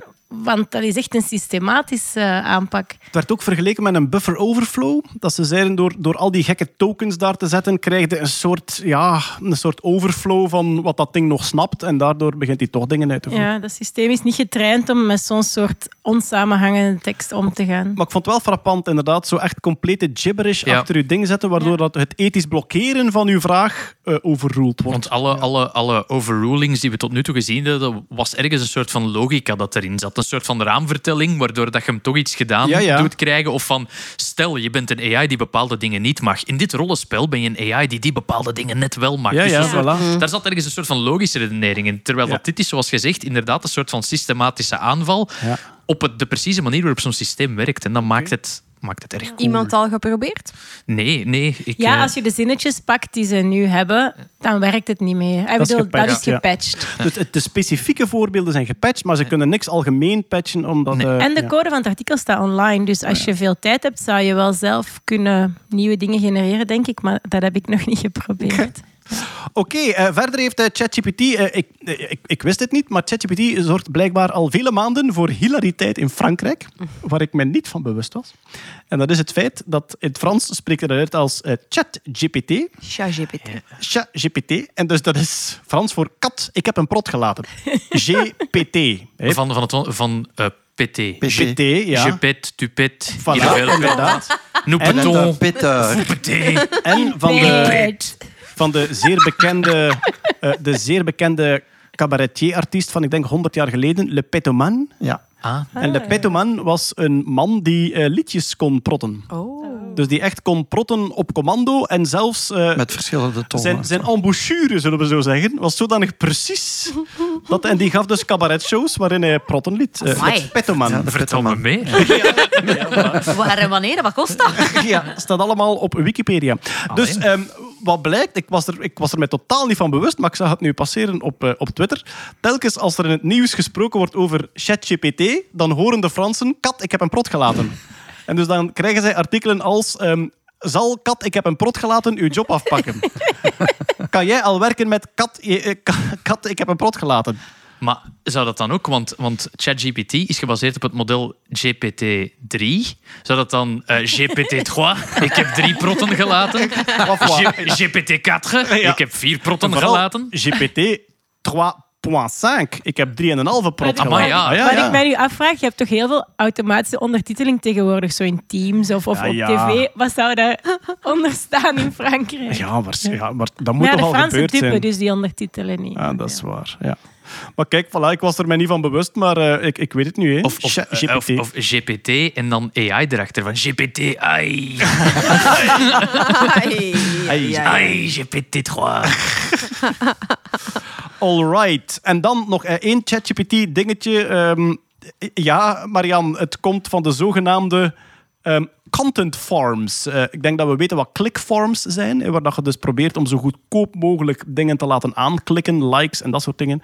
Er zijn ook content farms en die willen zo goedkoop mogelijk artikeltjes produceren waar mensen ook op klikken en waar je advertenties mee kunt verkopen. En die hebben een nieuw leuk trucje. Ja, die hebben een nieuw businessmodel. Vroeger schreven nog mensen die artikels, ook al was het dan niet zo Ik wou je inhoudsvol. zeggen, ik voel mij soms op een content farm ja, op mijn maar werk. nu heb je dus gewoon automatische websites waar niemand meer achter zit buiten een heel advertisement team, denk ik, want dat blijft belangrijk, maar die gewoon automatisch uit die New York Times en alle grote kranten nieuwsberichten crawlen. Die posten die niet letter voor letter, want dat mag niet, dat is plagiaat, maar die gaan dat gewoon in ChatGPT sturen en zeggen, schrijf dat een beetje anders en wat eruit komt, wordt automatisch op hun website geplakt. En je hebt een nieuwssite zonder dat je ene journalist moet betalen. En dat brengt op, want alle advertenties kunnen op uw website zetten en dat blijkt gigantisch veel te gebeuren vandaag de dag. Weet je hoe het ontdekt is? Ik heb het gelezen, maar zeg het maar. ja. Ja, er stond op een bepaald moment op een van die pagina's een nieuwsartikel en ze hadden de prompt vergeten wegdoen. En er stond, herschrijf dit artikel zodat het hoger komt in Google eh, search opdracht. Er is ook een, een Nederlandse website, ik denk van Mediahuis, geen sponsor, eh, die daar een sportwebsite, eh, racesport.nl, en die eh, laten hun artikels volledig schrijven door AI, maar voordat het gepubliceerd wordt, gaat er een mens nog eens over. En als de mens een interventie gedaan heeft, komt dat onderaan het artikel. En het is leuk om op die website, maar dat zijn zo van die dingen als ehm eh, Griekspoor en Kokanis vormen dubbelteam op de US Open. Dat zijn gewoon feiten. Twee tennisspelers die een team vormen. Daar staat een kort tekstje onder met wat geschiedenis van die mensen. En daaronder staat, dit artikel is gemaakt met behulp van AI. En als er niet onder staat dat het ge- geëdit is, Ah, is het gewoon verbatim gemaakt. Het is Maar een zich, experiment. Eh, Eh, A- eh, AI die dingen schrijft die door een mens geëindredacteerd worden. Ik denk dat dat de manier van werken is op dit moment. En ik denk ook nog wel lang zo zal zijn. Hè. Het is, eh, ja. Ja, maar nu natuurlijk, die grote kranten, ja, die kunnen daar niet mee lachen. Want Ja. ja. zij betalen alle journalisten en iemand anders kopieert het gewoon gratis. Ehm, maar nu zijn er allerlei discussies online. Hè. Kunnen we dat nu verbieden? Nu kan je blijkbaar bij een website een robot.txt bestandje hebben. En dan kan je zeggen, sta je toe dat mensen als OpenAI en zo je website crawlen. Ah ja. Maar in praktijk ja, staat dat De- daar of dat er veel rekening mee gehouden New wordt. York Times heeft OpenAI aangeklaagd deze maand omdat het hele archief van de New York Times gebruikt is tijdens het trainen van ChatGPT. ja. En dat wordt een hele belangrijke rechtszaak, want eh, ChatGPT kan ertoe gedwongen worden om hun hele trainingsproces opnieuw te doen, Oh. als blijkt dat ze die artikels niet mochten gebruiken. Er is geen, er is geen manier om van die grote zwarte doos die ChatGPT is, Ja, ja. om daarvan te zeggen, we gaan daar selectief dit stukje uithalen. Dus die hele training zou opnieuw eh, moeten. Dus dat wordt wel een heel interessante Je zaak. kunt niet, als, als de soep klaar is, kun je Nee. niet zeggen, nu haal ik de bouillon er terug uit. Voilà, inderdaad, ja. ja, Oké, eh, voilà, dat was het ChatGPT-nieuws. En dan moeten we naar de maan, want er is wel een en ander gebeurd in de ruimtevaart. En dan ja, vooral de maan. Zowel Rusland als India Hetty, hebben deze maand een ruimtemissie gelanceerd. Klopt. Eh, Rusland, dat was de Luna 25-missie. Dat was eh, de opvolger van Luna 24. Maar Luna 24 is in 1976 gelanceerd en veilig en wel geland op de maan. Eh was de laatste missie die een eh, beetje maangrond naar de aarde heeft meegenomen Ah, de Russen. Ja. Echt geland en teruggekeerd. Klopt. Ja. Ehm, en eh, ja, ik vind het redelijk symbolisch dat je bijna 50 jaar later een volgende maanmissie gewoon daarop laat aansluiten. Maar ja, die, die, dat Luna-programma, Ja. als ik mij niet vergis, gaat terug van ehm, jaren 50 zelfs, eh, of jaren 60 misschien. De eerste, het eerste object dat op de maan gecrashed is, bedoeld gecrashed, was Russisch, was van die Luna-missie. Het eerste object dat de achterkant van de maan gefotografeerd heeft, was ook van die Luna-missies. Dus de Russen hebben alleen maar maansuccessen gehad, tot als er een bemande missie moest. En dan hebben de Amerikanen ze net op tijd ingehaald. Ja. Maar ja, oké, ja, ergens is dan toch van, we willen terug naar die glorietijd of zo. We gaan dat gewoon laten opvolgen. Tja, zou er in, in Rusland machten zijn die Amai. terug naar een glorietijd willen van vroeger? Dat is eh, bizar. Ja. De eerste Luna was een impactor. Inderdaad, dat was Impactor. ge- gewoon het, het, het doel Welk van... jaar? Welk jaar? Eh, 1958. Ja, kijk, als Ja. voilà. Watch out, we send you Sorry, impactor. 1959. 1958 is het project gelanceerd. Ja, dat is wel. Maar deze, dus Luna 25 lancering, eh, was op 10 augustus. ehm, helaas eh, neergestort op 19 augustus. Volgens een Russisch Telegram-kanaal zou dat een rekenfout eh, geweest zijn, waardoor die maanlander op een bepaald moment moest hij in een lagere baan terechtkomen om veilig te, te landen. Is fout gelopen. Ehm, er, ehm, dat was eerst aanvankelijk een samenwerking met de Europeanen. Ja. ESA had een, een project lopen om een soort camera mee te sturen aan boord voor de landing, die dan een soort ja, parkeersensorachtige technologie zou willen eh, uitrollen. Om, ja, ja, ja, effectief. Maar dat is door de oorlog in Oekraïne stopgezet, dus Europa heeft zich daaruit teruggetrokken uit die missie. Ehm, dus die is mislukt, maar dan... Het, was ja, een, het was een grote uitdaging Ja. voor ehm eh, Roscosmos, zal dat dan zijn. Hè, om eigenlijk, uiteraard wilden zij bewijzen, of wilden bepaalde machten ehm, in Rusland bewijzen, wij kunnen dit ook met de sancties op eigen krachten doen. Ja. En eh, dat is niet gelukt. Ja, eh, hoeveel mensen binnen die ruimtevaartorganisatie er nu achter die oorlog en Poetin-dictatuur staan, dat weten gewoon niet. Nee. Als je kijkt naar de samenwerking die nog loopt met NASA voor bemande ruimtevaart, er wordt nog altijd Russen en Amerikanen door elkaar eh, gelanceerd, hoop ik dat dat wel, wel mee Maar de teneur van een aantal ingenieurs, ook voor veel Nederlanders, was toch van... Weet je, het is gefaald, maar het is gewoon ook wel een, een faling voor ons allemaal. Daar, daar is heel veel tijd en geld weer in Ah, ja. En Ja. wat daar kon van informatie en kennis opgedaan worden, was ook goed en interessant geweest voor ons allemaal. Eh, dus ja. Heeft Rusland het proberen te spinnen als een succes? Want dat doen ze in de oorlog ook. hè. Als ze zo van de, de, de denazificatie van de maan is succesvol gelukt. Eh, Zo'n zo zo'n soort van een draai aan geven van dit was de bedoeling en het ging perfect. Ze hebben op het journaal wel dat 40 seconden besteed aan, eh, Ja, aan beetje het in de item. doofpot. Ah ja, Ja. De beste, ja, de, de beste spinning die ik gelezen heb vanuit Rusland was toch dat ehm, eh, de nazi's in Oekraïne hen de LGBTQ-mentaliteit willen opdringen. Want zo zijn ze wel, die nazi's. Dat is, dat is. Goed, ja. Ehm, ja, dus Russische maanmissie niet gelukt. Ja. India heeft ook geprobeerd. Ja, en eh, dat is wel gelukt. En dat is wel een enorm historische gebeurtenis. Want India is daarmee het vierde land geworden dat ooit op de maan is geland. Oh. De, zeg maar. Het is de eerste Ik keer dat ze... VS, Rusland, China. Voilà, exact. Ja. Ja. Ja, ja. En nog historischer, het is de eerste keer dat het zo dicht is bij de Zuidpool van de maan. Juist, dat was het doel van de missie. En niet toevallig, hè. Nee, daar willen ze echt naartoe, omdat er aanwijzingen zijn dat daar in kraters eh, water, bevroren water zou zitten. En dat zou echt, eh, als we daar ooit, want dat is toch het plan, hè, een soort permanente maanbasis willen bouwen waar astronauten en of onderzoekers eh, maandenlang zouden wonen en werken. Een beetje zoals dat we nu op Antarctica hebben en dat willen ze op de maan gaan doen. En dan gaan we wel water nodig hebben, hè, voor, eh, voor drinkbaar water onder andere. Maar ook als tussenstation naar eventueel Mars en wie weet nog verder. eh, water kun je ook zuurstof maken. Voilà. Dat Ja. is ook Inderdaad, enorm ja. nuttig. En ik Ja. denk, want ja, methaan willen ze ook produceren. Dan hebben ze nog koolstof nodig. Maar dan denk ik dat die waterstofjes ook wel uit uw, uit uw water gaan komen. Wat was, Ja. wat was de naam van de Indische missie? Want ik weet dat ik dat een leuke naam vond, maar ik ben het vergeten. jawel, de naam van de missie is, eh, ik, ik spreek geen Indisch, dus we zullen gecorrigeerd worden, eh, Chandrayaan 3. Eh, en dat is eh Sanskriet voor maanvaartuig. Dat is lelijk letterlijk. Ja. Ja. de lander eh, heet Vikram, dat ben ik vergeten op te zoeken. En de ma een maanrovertje, want er komt een rovertje Oh. uit de lander, eh, die heet eh, Pragyam en dat is Sanskriet voor wijsheid. Ah, ja. Ja. Dus er rijdt nu een Ja. rovertje rond. ook succesvol. Dus die landing was succesvol. Dat was al ongelooflijk, zo dicht bij de Zuidpool. En dan een paar dagen later is dat landertje daaruit gekomen. En dat zal...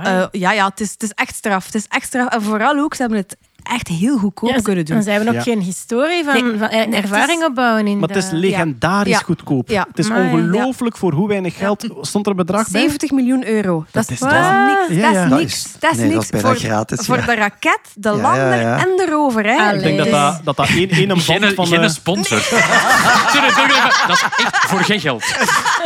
Vikram is Sanskriet voor valor, dus ik denk waarde op een of andere manier. En Vikram Sarabhai was ook de vader van het Indische Space Program. Dus eigenlijk de, de, Valor, de ik voorzitter, denk- de voorzitter van de Indische NASA, de eerste. Valor maar is dan de- moed. Ah, Valor moet, Valor, ja, Valor. moed. Ja. Alright, kijk, eh, profi- proficiat India. Eh, Er is wel nog... eh, Alsof dat die luisteren. Goed Ja. gedaan, jongens. gedaan. Eh, er is wel nog een side note bij te plaatsen, omdat er nu dus vermoedens zijn van water op de maan. En dat die zeer, eh, ja, dat dat eh, een zeer kostbare grondstof zou zijn voor een bemande missie. Wordt er nu gesproken over eh, space right. Ah, van ja. wie is dat? Kan je dat claimen? En gek genoeg moeten dan eigenlijk gaan kijken naar zo het, het vroege recht van het bezetten van, on- van onbewoonde eilanden, zoals in IJsland.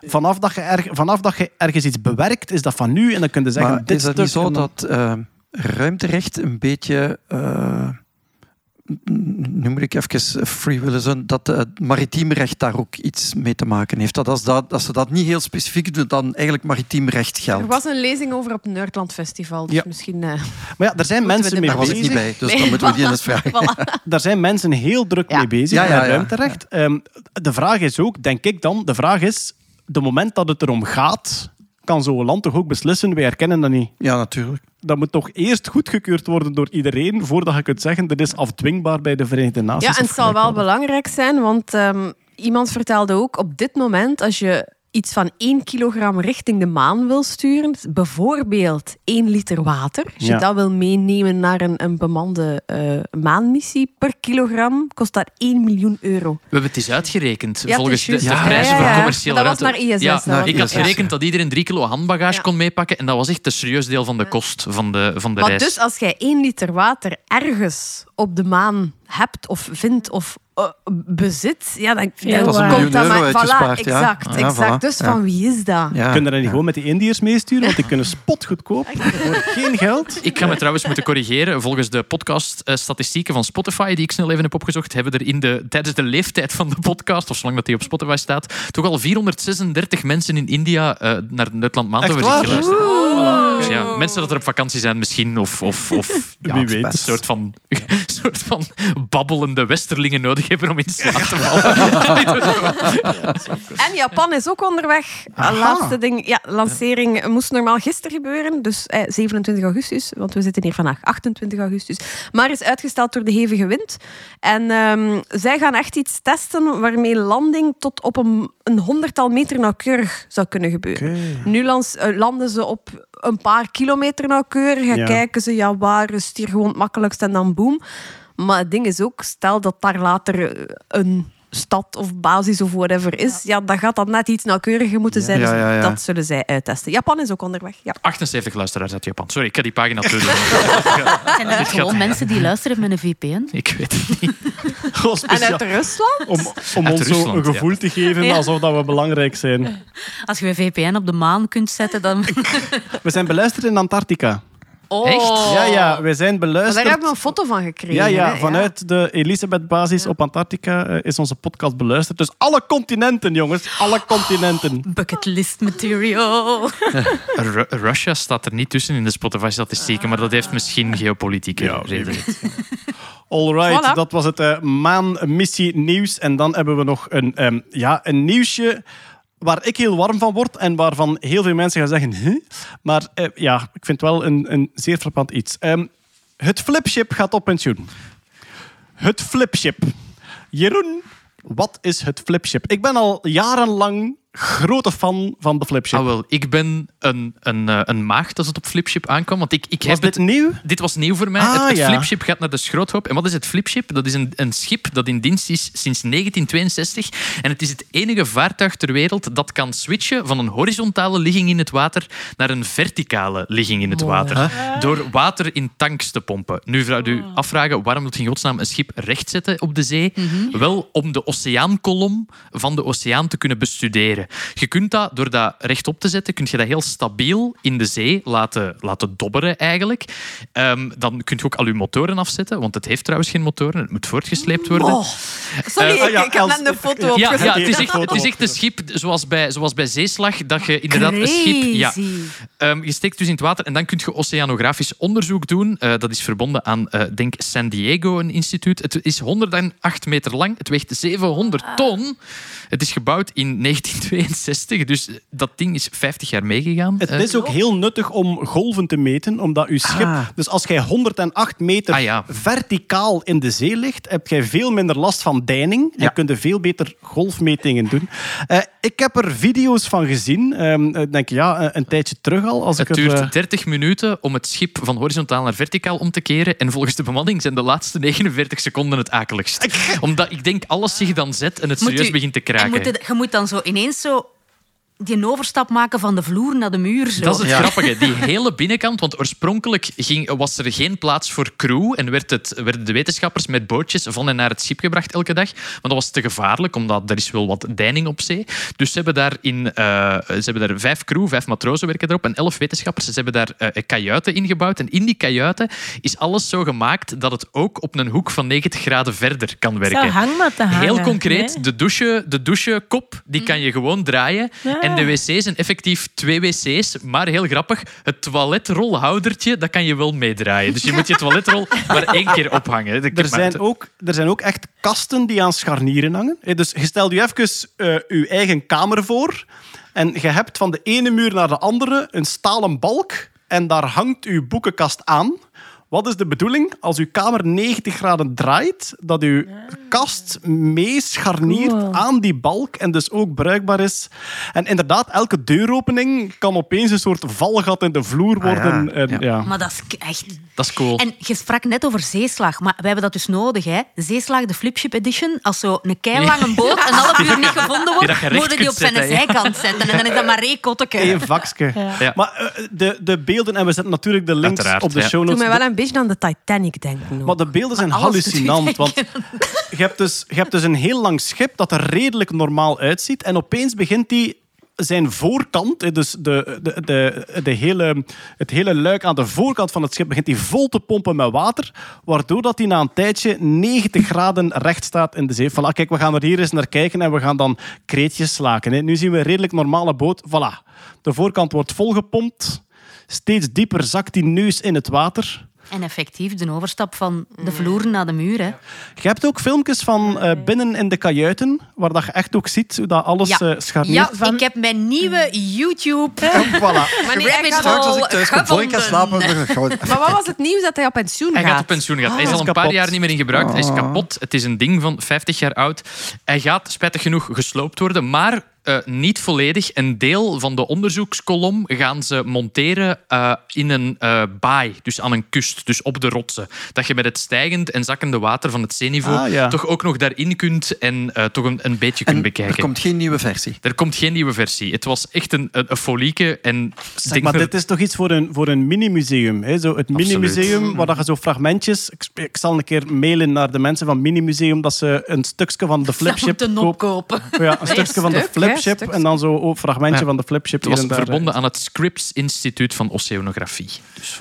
Ja, eh, eh, super cool. voilà, prachtig dingetje. En jij kende het al langer. Want het is het blijkbaar, met erover te lezen, het was al heel bekend op het internet. En ik was een beetje verontwaardigd, want ik ken het internet wel een beetje. En ik had er nog, ik had ik had er nog niet van gehoord. Ik woon daar meer dan in ja. mijn huis. Het staat, al, het staat al heel lang op de lijst van Scheidende Schepping van mogelijke onderwerpen. Ah. Ehm, zelfs al van het allereerste seizoen, dus al, al tien jaar geleden, stond dat op ons lijst. Het is er gewoon eigenlijk nooit van gekomen, denk ik toch. Denk En niet dat we het is ooit, het te eh, laat. Ja, We we kunnen er nog het altijd over hebben. Hè. Maar het is dus geen schip, want het heeft, het heeft geen motoren. Het moet altijd gesleept worden. Ah, en het echt? heeft geen motoren, net omdat motoren ook voor trillingen kunnen zorgen die de wetenschappelijke eh, eh, metingen om zeep kunnen helpen. De e- ze hebben alleen compressoren om lucht en water te pompen in die ballasttanks. Maar Wat als het eens dat er denk- staat, gaat alles uit. Wat ik wel denk is dat de naam The Flipship kan terugkomen als een soort reality-programma. De flipship. Ja, dus daar ligt de Love Boat, maar met drugs bij. De Flipship. Heb je gisteren gekeken naar de Flipship? Amai, die worden goed bezig. Ja. Ja. En elke, elke week stemmen ze daar iemand uit die, die Overboord eruit gegooid flippen. Ja. Ik hoor eigenlijk bij de flipship zo... We gaan een boot herstylen. We gaan heel de buitenkant, heel de binnenkant eruit breken en hem opnieuw inrichten. Ik ben hier helemaal ondersteboven van. Oké, nog een AI-nieuwtje. Eh, wat lazen wij in de internetkrant? AI speelt de muziek waaraan je denkt na op basis van hersengolven. Els. Ja. AI kan uw hersenen afluisteren. Wat? Dus jij luistert naar muziek, AI luistert naar uw hersenen en AI kan muziek terugmaken. We gaan eens luisteren. Dit is een liedje dat iedereen sowieso kent.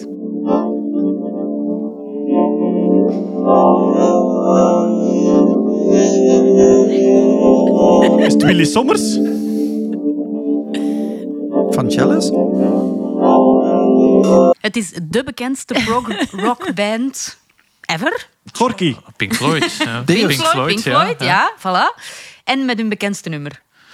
Het Ja. enige nummer dat iedereen ervan kent. Wish You Were Here, volume 5. Sorry, nee, ja. Summer of 69. Brick Another brick in the wall, Another brick in the ja. wall, ja.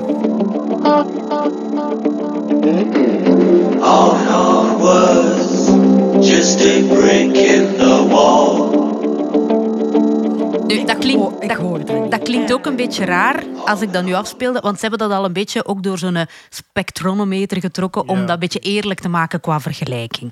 Waar is het AI-systeem op getraind? Want mijn, sorry, mijn, mijn, Ja. mijn rode vlagjes gaan hier af van... Oh, dat vind ik een heel goede vraag. Dat is daarmee dat ik ze stel als aard. Leg het maar uit. Ik snap volledig wat je bedoelt, Jeroen. Want een tijdje terug was er het nieuws. eh, AI kan afbeeldingen Kan- ja. reconstrueren. En dat bleek.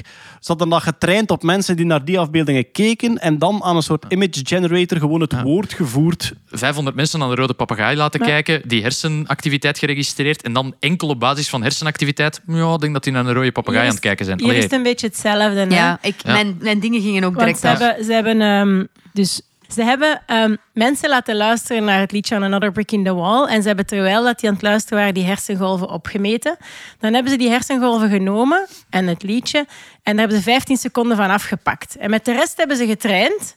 En nadat het netwerk, neuraal netwerk getraind was op de combinatie hersengolven, liedje min 15 seconden, Ja. hebben ze die eigenlijk de hersengolven van die resterende 15 seconden gevoerd.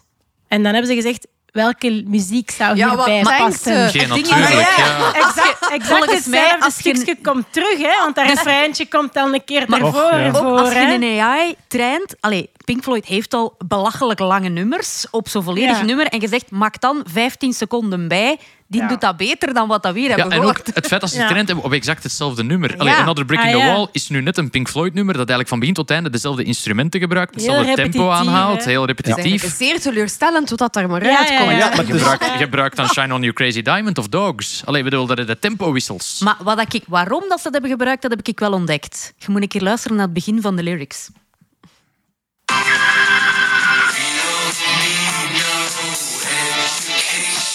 Maar de volgende, nu komt hem.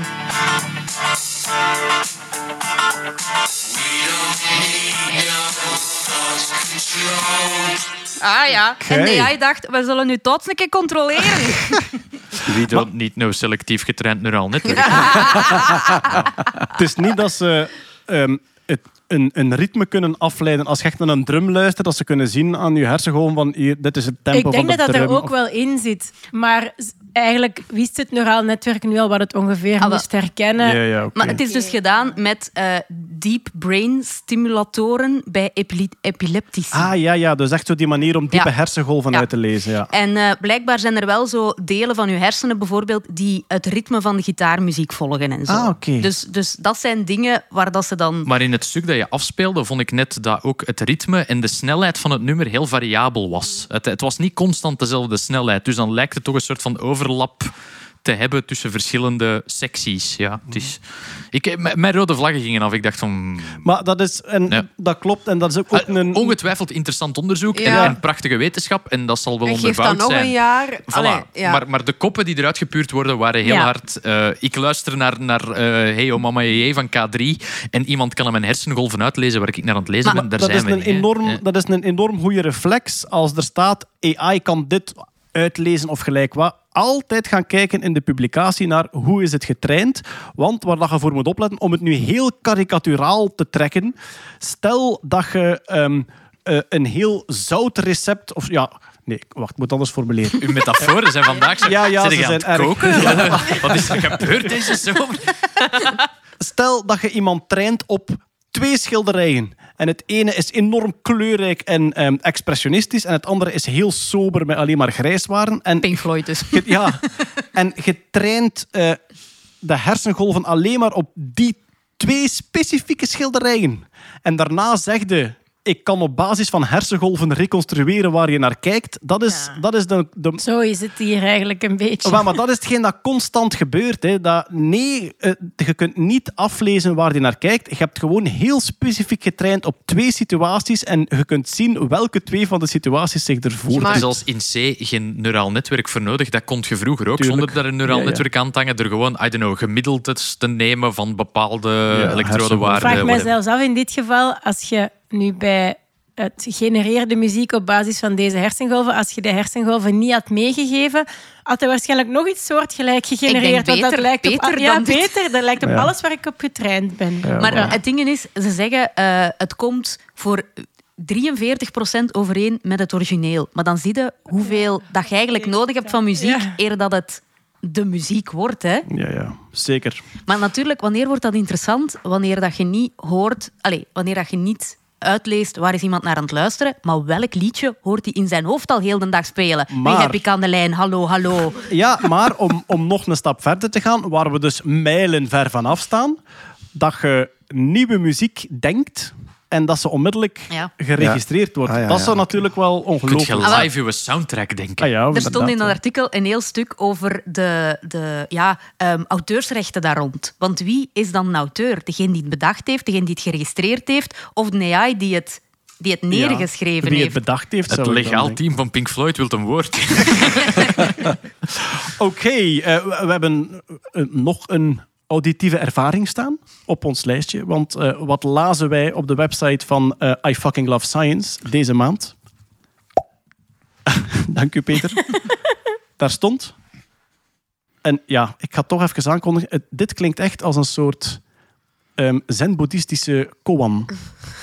Namelijk dit.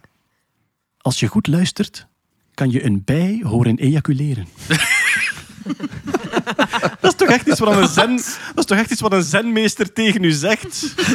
Om u zo ergens in een soort ver- verwarring en meditatie. Dat is zo, dit is Wax on, wax off. ja, maar dit is toch, dit is toch de entomologische variant van what's, Allee, the, what's the sound of one hand Sorry, clapping? dit is echt van en, en, en entomologen. Hoe was de zomer?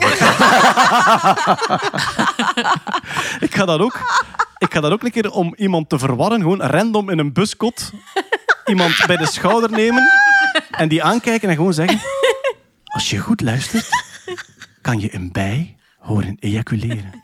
En dan denk je, wat nu? Of, wat, of gewoon algemeen? Terwijl je Sorry, dat moet opnemen dan. Lieve hè. laat zich professioneel begeleiden. verwarde man opgepakt in Gent. Peter, eh, waar gaat dit artikel over? Ja. Ehm, het, het gaat eigenlijk over, over eh, mannetjes, bijen, honingbijen, darren. Hè? Ja. Dat die eigenlijk ehm, vanzelf klaarkomen als ze het te warm krijgen. Daar ging het over. Oké, ja. eigenlijk. dat, was het, dat was het artikel, ja. Dan pompt een kurk. Ja, voilà. Bij de meeste mannen is dat omgekeerd, maar, Maar- snap ik het. Ja. Ja, goed, dit was ook de eerste keer. En- Als je, als je te koud krijgt. Nee, als, je, als, dat, dat ze, als het... Nee, ik Dat je het te warm krijgt als je... Ah ja, ja, Ja, oké, ja, ja, ja, ja. Maar eh, laat ons beginnen bij het begin. Leave, thi- leave this to us. Laat ons beginnen bij het begin, Peter. Ehm, de ejaculatie van een mannelijke bij is eh, explosief. En dat bedoelen we en redelijk, terminaal. redelijk letterlijk. Wat? Ja. Het is eigenlijk, Ja, ja, ja. De, als de mannelijke bij ehm, eh, ejaculeert, dan ontploft het achterlijf. Ja, weet je, eigenlijk Ja, dat is gewoon heel die endofallus, dus eigenlijk de, de volledige, het volledige eh, geslachtsorgaan van die bij, is eigenlijk, neemt zo goed als het volledige achterlijf in beslag. Ja. En je moet, je moet je dat Beetje zoals eigenlijk bij mij gezien... eigenlijk. Dan. Ja. Ja, je hebt een Dat is echt hele, zo- Een angel. je hebt een hele Die- grote penis. Nee, maar die heeft echt wel de zucht van een leerkracht in het middelbaar. Zo- Scheire, ehm, als je niet serieus kunt zijn, zet u achteraan. Hè? Zelfs op de gang, hè? Ja. Of dan gaat je maar naar het secretariaat. Ehm, Oh, nee. Maar, dus de, want het heeft een andere naam Ja. hè, bij de insecten. Hoe heet de insect- Endophallus, De ja. endophallus. De endophallus, en die ja. zit een beetje opgeplooid. Nee, die zit eigenlijk gewoon gelijk... eh, Gelijk dat je een plastieke zakpen te buiten keert. Zo, Ah, ja, ja, ja. zo zit die daarin. Beetje En op het u, moment hè, ja. dat die bij klaarkomt, wordt heel dat ding eigenlijk naar buiten geduwd. En dat vergt zoveel... eh, Dat, dat is eigenlijk... ehm, ja, bijen hebben geen... eh, dat bloed zit niet in aders zoals bij ons. Dat zit gewoon los in het lijf. Dat is eigenlijk Ja. gewoon een, een, een Vloeistof. zak met vloeistof in. Hè? Een insect, hè. Ja. En die moet daar zoveel druk op zetten om die endophallus naar buiten te doen. Dat eh, Gelijk ook de hele die zenuwbanen doorscheuren en dat beest explodeert, zo goed als letterlijk, en sterft op dat moment. Maar dat is gewoon dat dat je hoort dan. Een. Ja, ja, het is, ja. het is Ja, dat. Ja. En- maar dat nu, gebeurt- voor alle duidelijkheid, dit is de eerste keer dat ik daarvan hoor. Want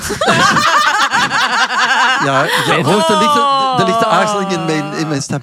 Want eh, ja, ik heb, dat heb ik al eens gezegd, ehm, kunstmatige inseminatie bij honingbijen, dan wordt Je hebt, dat je is een hebt, ding. eh, je hebt En darren gemasturbeerd tot ze Ja, klaarkomen, ja. Peter. En ik heb Oh, dat nooit gehoord. Moordenaar, moordenaar. Ik heb dat nooit gehoord. Ah, dat heeft nooit geplopt bij u. Nee. Dan deed je het niet goed, hè? Nee, Of ik heb niet opgelet. Al die darren hebben gefaked om te leven.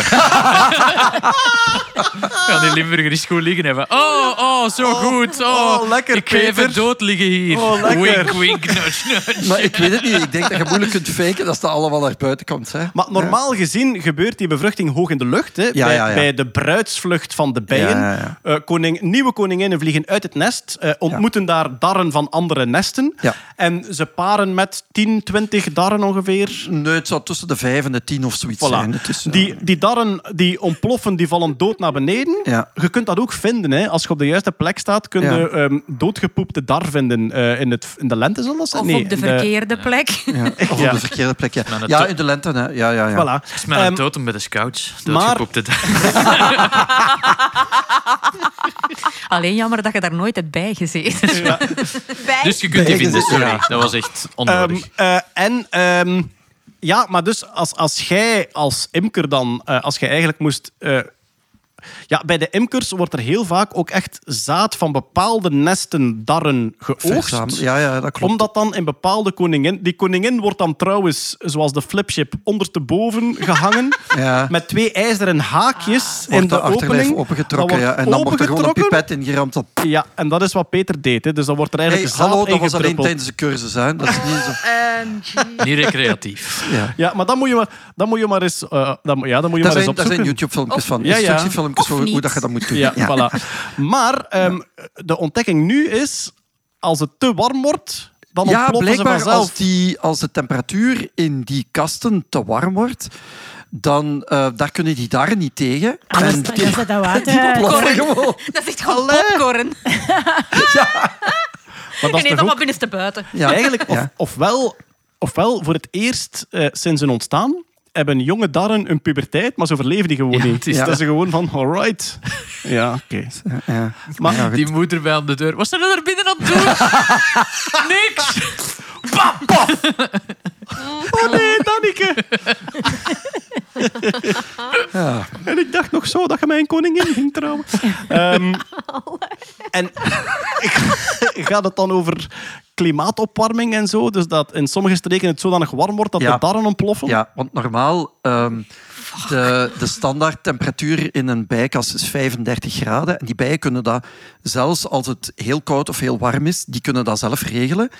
Maar als het dan te warm wordt, of dat wordt te snel, of dat is te lang warm, en er is bijvoorbeeld weinig water in de buurt, want wat die bijen doen is, die brengen water in de kast, die hangen die druppeltjes, die, die verspreiden daar druppels water en die beginnen te ventileren. Zodat Die wapperen en met de vleugels, zegt ze, Ja, hè? Ja. en dan... En dan Dat is, eh, dat is bij, bij. Berko. Goed zo.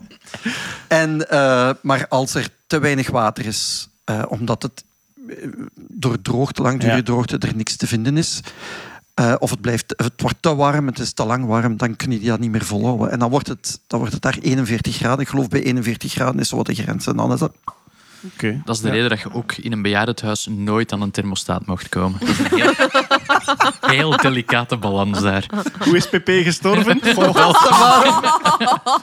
De verpleegster kwam binnen en hij zei plop. Dat is ook de reden waarom je nooit bijen in de sauna zit, natuurlijk. Dat, eh, Blijf nog even zitten. Nee, nee, echt niet. maar maar eh, we, gaan dit, eh, we gaan dit boeiende nieuws Ja. toch afsluiten met nog één keer mijn zen-boeddhistische meditatietechniek van de komende maand. Als je goed luistert, kan je een bij horen ejaculeren. En daarom is het nu hoog tijd voor...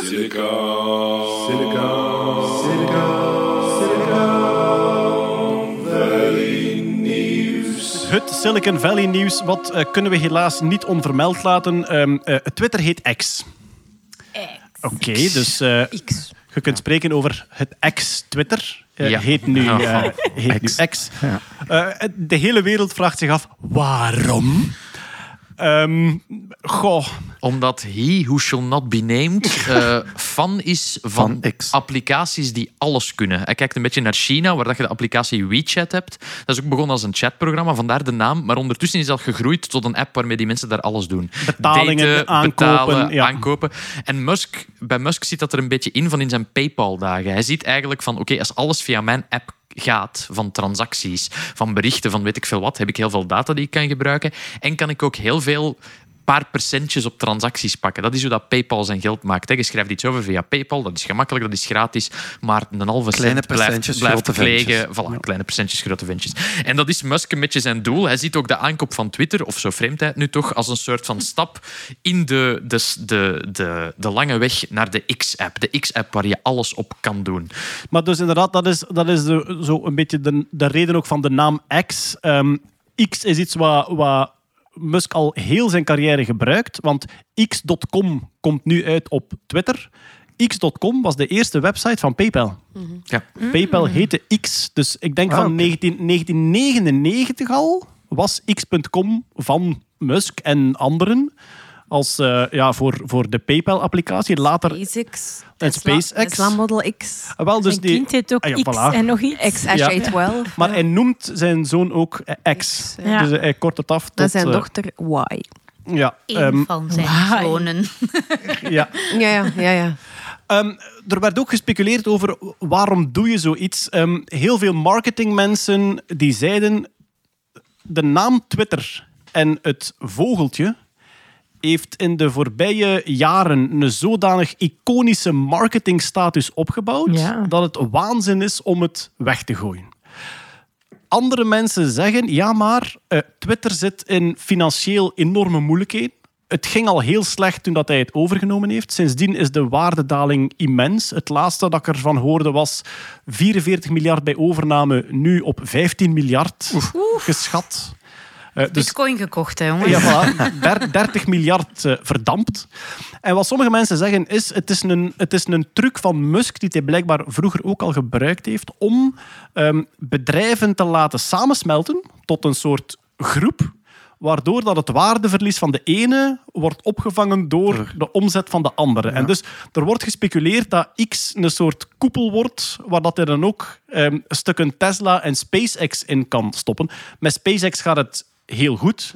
Dus als dat zou kunnen ene groep worden, dan kun je voor... Ja, en dat is allemaal het soort... Ja, het soort kapitaalspel waar ik totaal niet mee mee ben, maar wat wel een immense rol speelt in heel die ondernemerscultuur in, in Californië natuurlijk. Hè. Ehm, ja, goed, kijk, het heet nu X. eh, dat zorgt voor heel veel problemen. Eh, wat zeggen we in plaats van tweeten? Ja, Exen. Eh, ja. Even Exen. We gaan, we gaan, we gaan axen. Ik heb gezien dat ehm, eh, retweet is in de applicatie is retweet al vervangen door repost. Dat dan niet meer... Post. Het helpt ook niet dat het logo eruit ziet alsof dat het een of andere Roemeense SM-kelder is. Allee, sorry, joh. mooi. Nee, Vind je dat Ja. mooi? Nee, ik Dat zegt het- genoeg. Dat zegt genoeg. Ze vindt u ook wel mooi hoor, Els. Dat zegt genoeg. Ja. Dat zegt genoeg. Blijkbaar is, het, blijkbaar is het gewoon een letter uit de Unicode. Ja, het is... eh, het is Is- uit- ja. Mooi. Dus wat hij heeft op een bepaald moment heeft hij gewoon op toen nog Twitter gelanceerd. Heeft er iemand een nieuw logo? Als het mooi is, dan nemen we het. En iemand had een logo gepost dat ooit gemaakt was voor zijn podcast, die X heette, maar die al ehm, ja, eh, eh, gestopt was. En dat was een iets dikkere versie van dat Unicode-nummertje. en ze hebben dat dan terug smaller gemaakt, omdat dat toch mooier was. En nu komt het dus exact uit op een of andere Unicode-letter die je gewoon kunt typen in elke tekstverwerker. Eigenlijk altijd al. Ja. Eh, eh, bon, ja. En Ik vind vooral zo in alle nieuwsartikels zo lezen we op X, het voormalige Twitter. heb ik ook gezien. Dat is, eh, Oh, en elke keer opnieuw. en is dat iets wat dan vanuit X, het voormalige Twitter, gevraagd wordt om te doen? Nee, nee, dat is echt gewoon omdat niemand dat kent. Ja, ja. Twitter was al een zeer marginaal gegeven voor de brede bevolking. Dat is wel waar, want politici en journalisten zaten Ja. keihard op Twitter, maar de brede dat is, bevolking dat totaal is niet. zo'n mini-universum. Ja. En dus dat is al zo'n keer iets wat dat dan de bomma en de mama al een keer hebben horen, horen waaien. Maar X, dat, dat, is, dat duurt weer vijf, zes, tien jaar eer dat we daar weer echt helemaal mee mee zijn. Dus X, het voormalige Twitter, ja. Ik was eh, zes jaar geleden zat ik in een Nederlands programma, ehm, eh, The Big Escape. En toen ging het over, ja, dat was zo met, met eh, ah, Nikki, Nikki Tutorials zat daar toen. in. Ja, uiteraard. Eh, en eh, Giel, Giel van... ehm, Giel Belen. Ja, van Ja. Stuk... Nee, Giel, Giel de Ah. Winter van Stuk TV. Ah, oké, Zat gelukkig. daar ook in. Ja. En die waren zo bezig over ja, hoe dat zij hun publiek bereikten en zo. En ik zei zo van, ja, goh, op Instagram doe ik niet veel, maar ik zit heel veel op Twitter. Die keken echt naar mij van welke dinosaurus van het er hier ben. En die vroegen toen letterlijk aan mij, ben je journalist of politicus? Ja. Maar Ah, zonder ja. ironie, hè? Zonder ironie. ja. Die dachten echt van, dat is daarvoor... Maar ik word daar zot van hoe dat soms dingen in de krant worden uitvergroot, Absoluut. omdat ze op Twitter... En dat Zo'n ik denk, maar daar zit Ja. 10.000 man op. Of zo. Allee, dat is niks. ja, maar dat is waar. Enfin, je hebt... eh, er wordt vaak gesproken over politiek politicien. Hè, zo politiek die enkel voor politici belangrijk is. over Dat is daar. die post verschuift Ja, naar gender. En ik heb soms de neiging om te denken, dit is journalistiek, journalisticien. Ja. Eh, We hebben, we hebben ooit met Radio 2 een keer een stunt gedaan dat we ehm, het was een, een, we deden een heel week over afval en afvalverwerking en, en alles daar rond. En er was een bepaalde scoop van ons onderzoek dat op voorhand was gelekt door een bepaalde minister. En we waren die bepaalde minister, gauw vliegen, haar, ehm, Geen sponsor. haar vuilzak gaan pikken. Dus het vuil stond buiten waar dat zij woonde. En s'morgens ben ik met David van Otegem in een auto die een vuilzak gaan halen. En het idee was, met filmpje en al, en het idee was, we gaan dat een beetje online spelen. En s'avonds in de uitzending wordt die vuilzak opengemaakt. En zij is de bevoegde minister. En wat zit er eigenlijk in haar vuilzak? Sorteert zij wel goed? Hè? Dat was het idee. Maar natuurlijk... Allez, Je vindt daar dan drie deeldo's in en je kunt dat niet je bent wel uit, hè. ethisch en zo, dus je hebt die dan mee. En dan belde die kabinetchef op. En dan... De bedoeling was, we spreken even af, wat gaan we daarin vinden? Moet daar eerst even, hè, moet daar even in, in, in gesorteerd worden, whatever. Ehm, en dat gaat wel, allez, we gaan wel iets deftig maken. Niks, hè, niks. Dat is beginnen op Twitter smijten. En, dat is, en, en waar zijn ze mee bezig bij Radio 2? Ah, zij heeft dat toen Ja, op Twitter ja, gegooid. Ja, Ja, ja. oké. En dus eh, dat is dan beginnen geretweet te worden door, door ik weet niet hoeveel accounts. En ik ben die dan zo beginnen aanklikken, omdat ik zoiets had van hoe kan dit zo snel, zo storm worden? Dat waren allemaal van die accounts met nul of één of twee volgers. Ah, die je kunt kopen om te retweeten. Ah, ja, Geen idee, Ja, geen ja. idee. Maar dat was echt zo. En dat stond direct op diezelfde moment, op diezelfde voormiddag, stond dat op alle nieuwswebsites. Allee, dat was...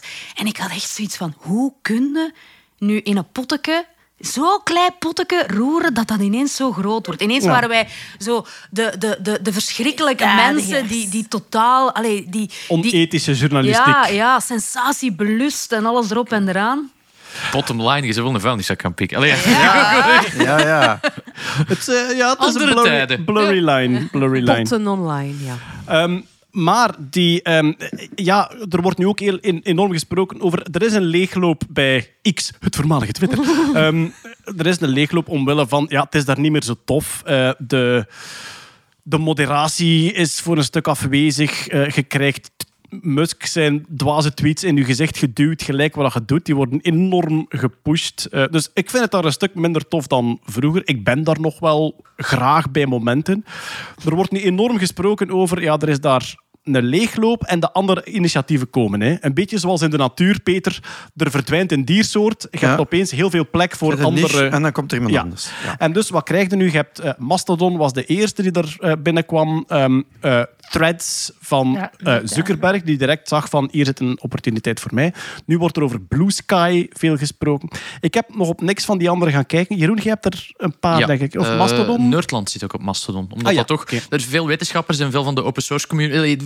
eh, Veel geeks zitten op Mastodon. Dus we Ja. hebben daar een, een soort van kanaaltje waarop, waarop dat we de nieuwe releases van de podcast en zo... Heb jij andere dingen getest? Threads is er nog niet bij Threads ons? heb ik getest, maar is, is Instagram light. Is Instagram zonder foto's. En Blue Sky is nog op uitnodiging alleen. Dus Ah, ja, dat is heel hard... Ja, zoals alle netwerken een beetje hebben, dat is hoe slecht is Twitter. Maar dat, Ja. nee, snap je, dat is, als dat de enige discussie is dat, dat je voert... Dat, Ah, eh, wel, maar eh, los van wie zit er op Twitter en wat gebeurt er enzovoort, het format waarin het vooral het verbale is, is wel iets wat dat heel goed werkte voor mij. Voor mij ook, ja. En dus je merkt inderdaad ehm, celebrities, influencers, mensen die echt entertainment zoeken, dat die op Instagram veel beter bediend worden met dat beeldende. Ik vind het verbale veel toffer. Ik, Ik vind, ook. ik vind ook de, de, ehm, de eh, niet-agressieve verbale steekspelletjes, de steken geven aan elkaar, het variëren op bepaalde moppen en memes, maar dan in woorden in plaats van in beeld. Ik vind dat heel tof. Ik vind het heel jammer dat dat nu beetje aan het wegsmelten is op die een X-app.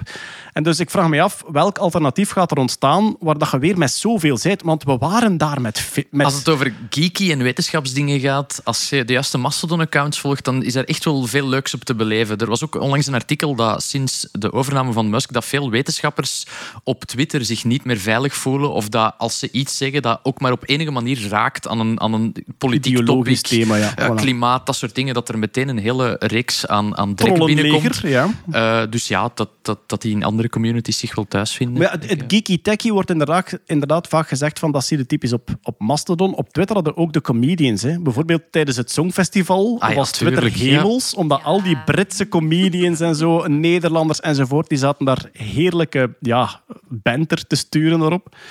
En ja, goed, we gaan zien. Dat zal nog wel even blijven bestaan. Eh, maar goed, het heet nu X. Dat was, dat Wij was gaan, eigenlijk... wij gaan nooit mensen voor Instagram zijn, lieve bekijk ons. Ja, maar Ga ja, niet. Daar, daar zeg je zoiets. Ik ben op Instagram een glow baby.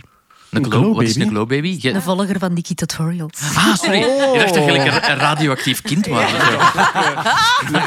Iemand die reizen naar Ja. Tsjernobyl eh, eh, promoot. Ehm, wat hebben we nog staan? Eh, de medeoprichter van Ocean Gate, eh, van, de om- van de geïmplodeerde eh, Titan, die dacht: Dit is het moment om mijn nieuw initiatief te lanceren. Ja. Ik wil mensen uitnodigen om een kolonie te starten in de ruimte. Ja, Guillermo Sonline is zijn naam. Hij is een Argentijn. In 2009 heeft hij Ocean Gate samen opgericht met Stockton Rush, de CEO van het bedrijf, die dus is omgekomen in de geïmplodeerde eh, eh, ja, eh, Titan, ja. De duik, duik, de, de. Ja. Hij heeft een nieuw bedrijf, want hij blijft bedrijven oprichten die als doel hebben van we moeten van de aarde af. En eigenlijk Ocean Gate was zijn manier om een soort van ruimte-exploratie te doen op de plek die op het aarde het meest buitenaards is, namelijk de diepe zee. Je hebt dat hier al ook al regelmatig gezegd. Als je wilt zien hoe dan een alienwereld eruit ziet, gaat duiken. Want heel veel van de onderwaterwereld is onherbergzaam en erg unlike wat je op, op het oppervlak ziet. Andere levensvormen. Andere levensvorm, absoluut. Dus nu zijn nieuw bedrijf is Humans to Venus. En die willen tegen 2050... Ja, Humans to Venus, ik weet het, Marianne, maar ik, ik, ga, het, ik ga het laten liggen. Het- tegen 2050 willen die een kolonie stichten op Venus. Nu, er zijn wel wat probleempjes met een kolonie te stichten op, Op Venus. Venus of de rond in de Wel, ruimte? Venus is de warmste planeet. Maar niet in orbit dan, echt op het oppervlak. Ik ga het u uitleggen. De atmosfeer is grotendeels CO2. De oppervlaktetemperatuur is hoog genoeg om eh, verschillende metalen te doen om smelten. Die darren te doen exploderen. 475 graden Celsius. Dus die daar die komen eh, lang klaar voordat ze daar in de buurt zijn. En het regent daar zwavelzuur, dus Ja. op het oppervlak is moeilijk. Maar hij zegt, ergens in de atmosfeer, ongeveer 30 mijl boven het oppervlak, is er een sweet spot waar de temperatuur en de zure, eh, allee, zwavelzuurregen Mediterraan. net draagbaar zou, draagbaarder zou zijn. Eh, dus gewoon, en dat is iets waar dat hij licht overbrust, we moeten gewoon een ruimtestation ontwerpen dat er kan blijven hangen en tegen zwavelzuur kan. Maar waarom En zou je daar bish willen gaan hangen? Klaar. In plaats van... Inderdaad, ja. Maar Eh, gewoon, gewoon de, de timing van dat te lanceren. Ja, absoluut. Enkele weken nadat u een titan implodeert. Ja. Het is toch, ja. Moet wel belangrijk zijn, hij, hij is de originele oprichter van Ocean Gate mee, maar hij is daar eh, een paar jaar ervoor al uitgestapt. Misschien omdat hij de buis Ja. zag hangen, maar inderdaad, het is een beetje Dan een... nog zou ik zijn persverantwoordelijke willen Nee. aanspreken op een gebrek aan timing. Het klinkt inderdaad ook echt niet uitnodigend om op Venus te wonen, want je Nee. kunt nergens naartoe. Ja. Het regent letterlijk zuur dat u kapot maakt. En het is daar veel te warm. Ja. Ja, voilà.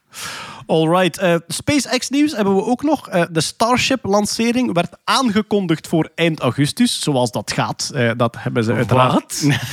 ja, dat hebben ze uiteraard niet gehaald. Maar ze zou wel makende zijn. Eh, ik denk dat heel zo die, heel de, die eerste kolom, hoe heet dat nu weer? De Super Heavy of zo?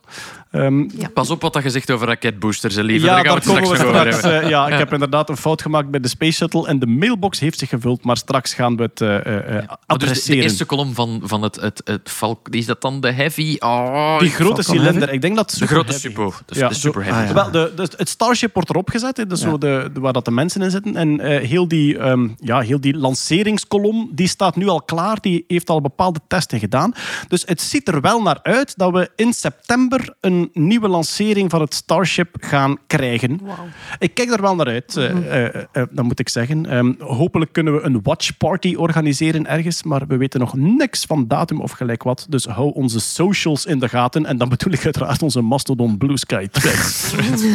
Booster 9. Ah ja, en ik moet van de, de promo-dingen ook zeggen. De, Nerdland heeft eh, sinds kort ook een TikTok-account. Ah, dat is Waarop juist. dat er filmpjes komen en al. We Dus hebben een Nerdland TikTok-account. Nerdland we- BE. eh, ik denk al onze accounts zijn Nerdland BE. Ja, omdat, Nerdland BE aan elkaar. En Ja. eh, TikTok zijn we nu een beetje aan het, aan het gebruiken als explainer-kanaaltjes. hè. Als, als ik iets boeiend tegenkom, als Peter Berks plotseling eh, in zijn living een bidspringkaan die hij daar zelf gezet heeft, een vlieg ziet vangen, dan filmt hij dat en legt hij uit wat er, wat er gebeurt. Hè, eigenlijk. Van, van waar kwam die bidspringkaan, eh, Peter?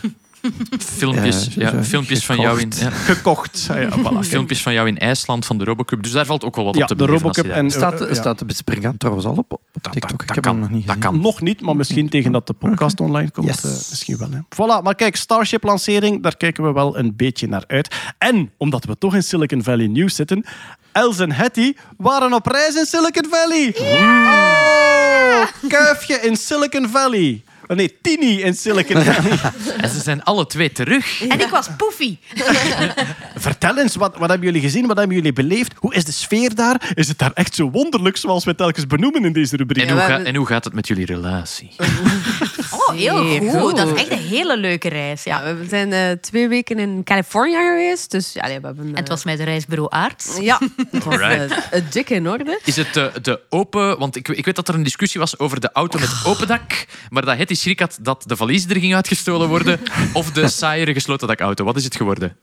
Het was een gesloten auto. En wie was er blij dat we een gesloten auto hadden? Uiteindelijk ik toch wel. Want daar waren heel veel meeuwenscheten. Die- Els, heb je, heb je uw told you so dansje gedaan? Ja, ja. ik, heb het op, ik heb het op Instagram gepost. told Want you we so, stonden op dag drie of zoiets ergens geparkeerd. En we komen daar s'morgens buiten en heel die auto is ondergescheten. No shit. heb die- heel die auto. Ik heb die Instagram-post gezien, maar in die Instagram-post ze naar de auto aan het wijzen. Maar het lijkt dat je naar Hetty wijst. En ik dacht even van, waarom heeft Hetty die hele auto ondergescheten? Wat is er daar? Omdat ik een gang- cabrio wou, hè. Ja. Ze Nee, maar nu ook, vertel eh, over de reis. Sorry, genoeg over de ja, auto. In Ja. Japan hebben ze nu auto's waar dat kak niet op blijft liggen. Dat glijdt dan gewoon af. Het was een Chinees onderzoeksteam en het is maar, uw auto is wel een tiende van de normale schaal.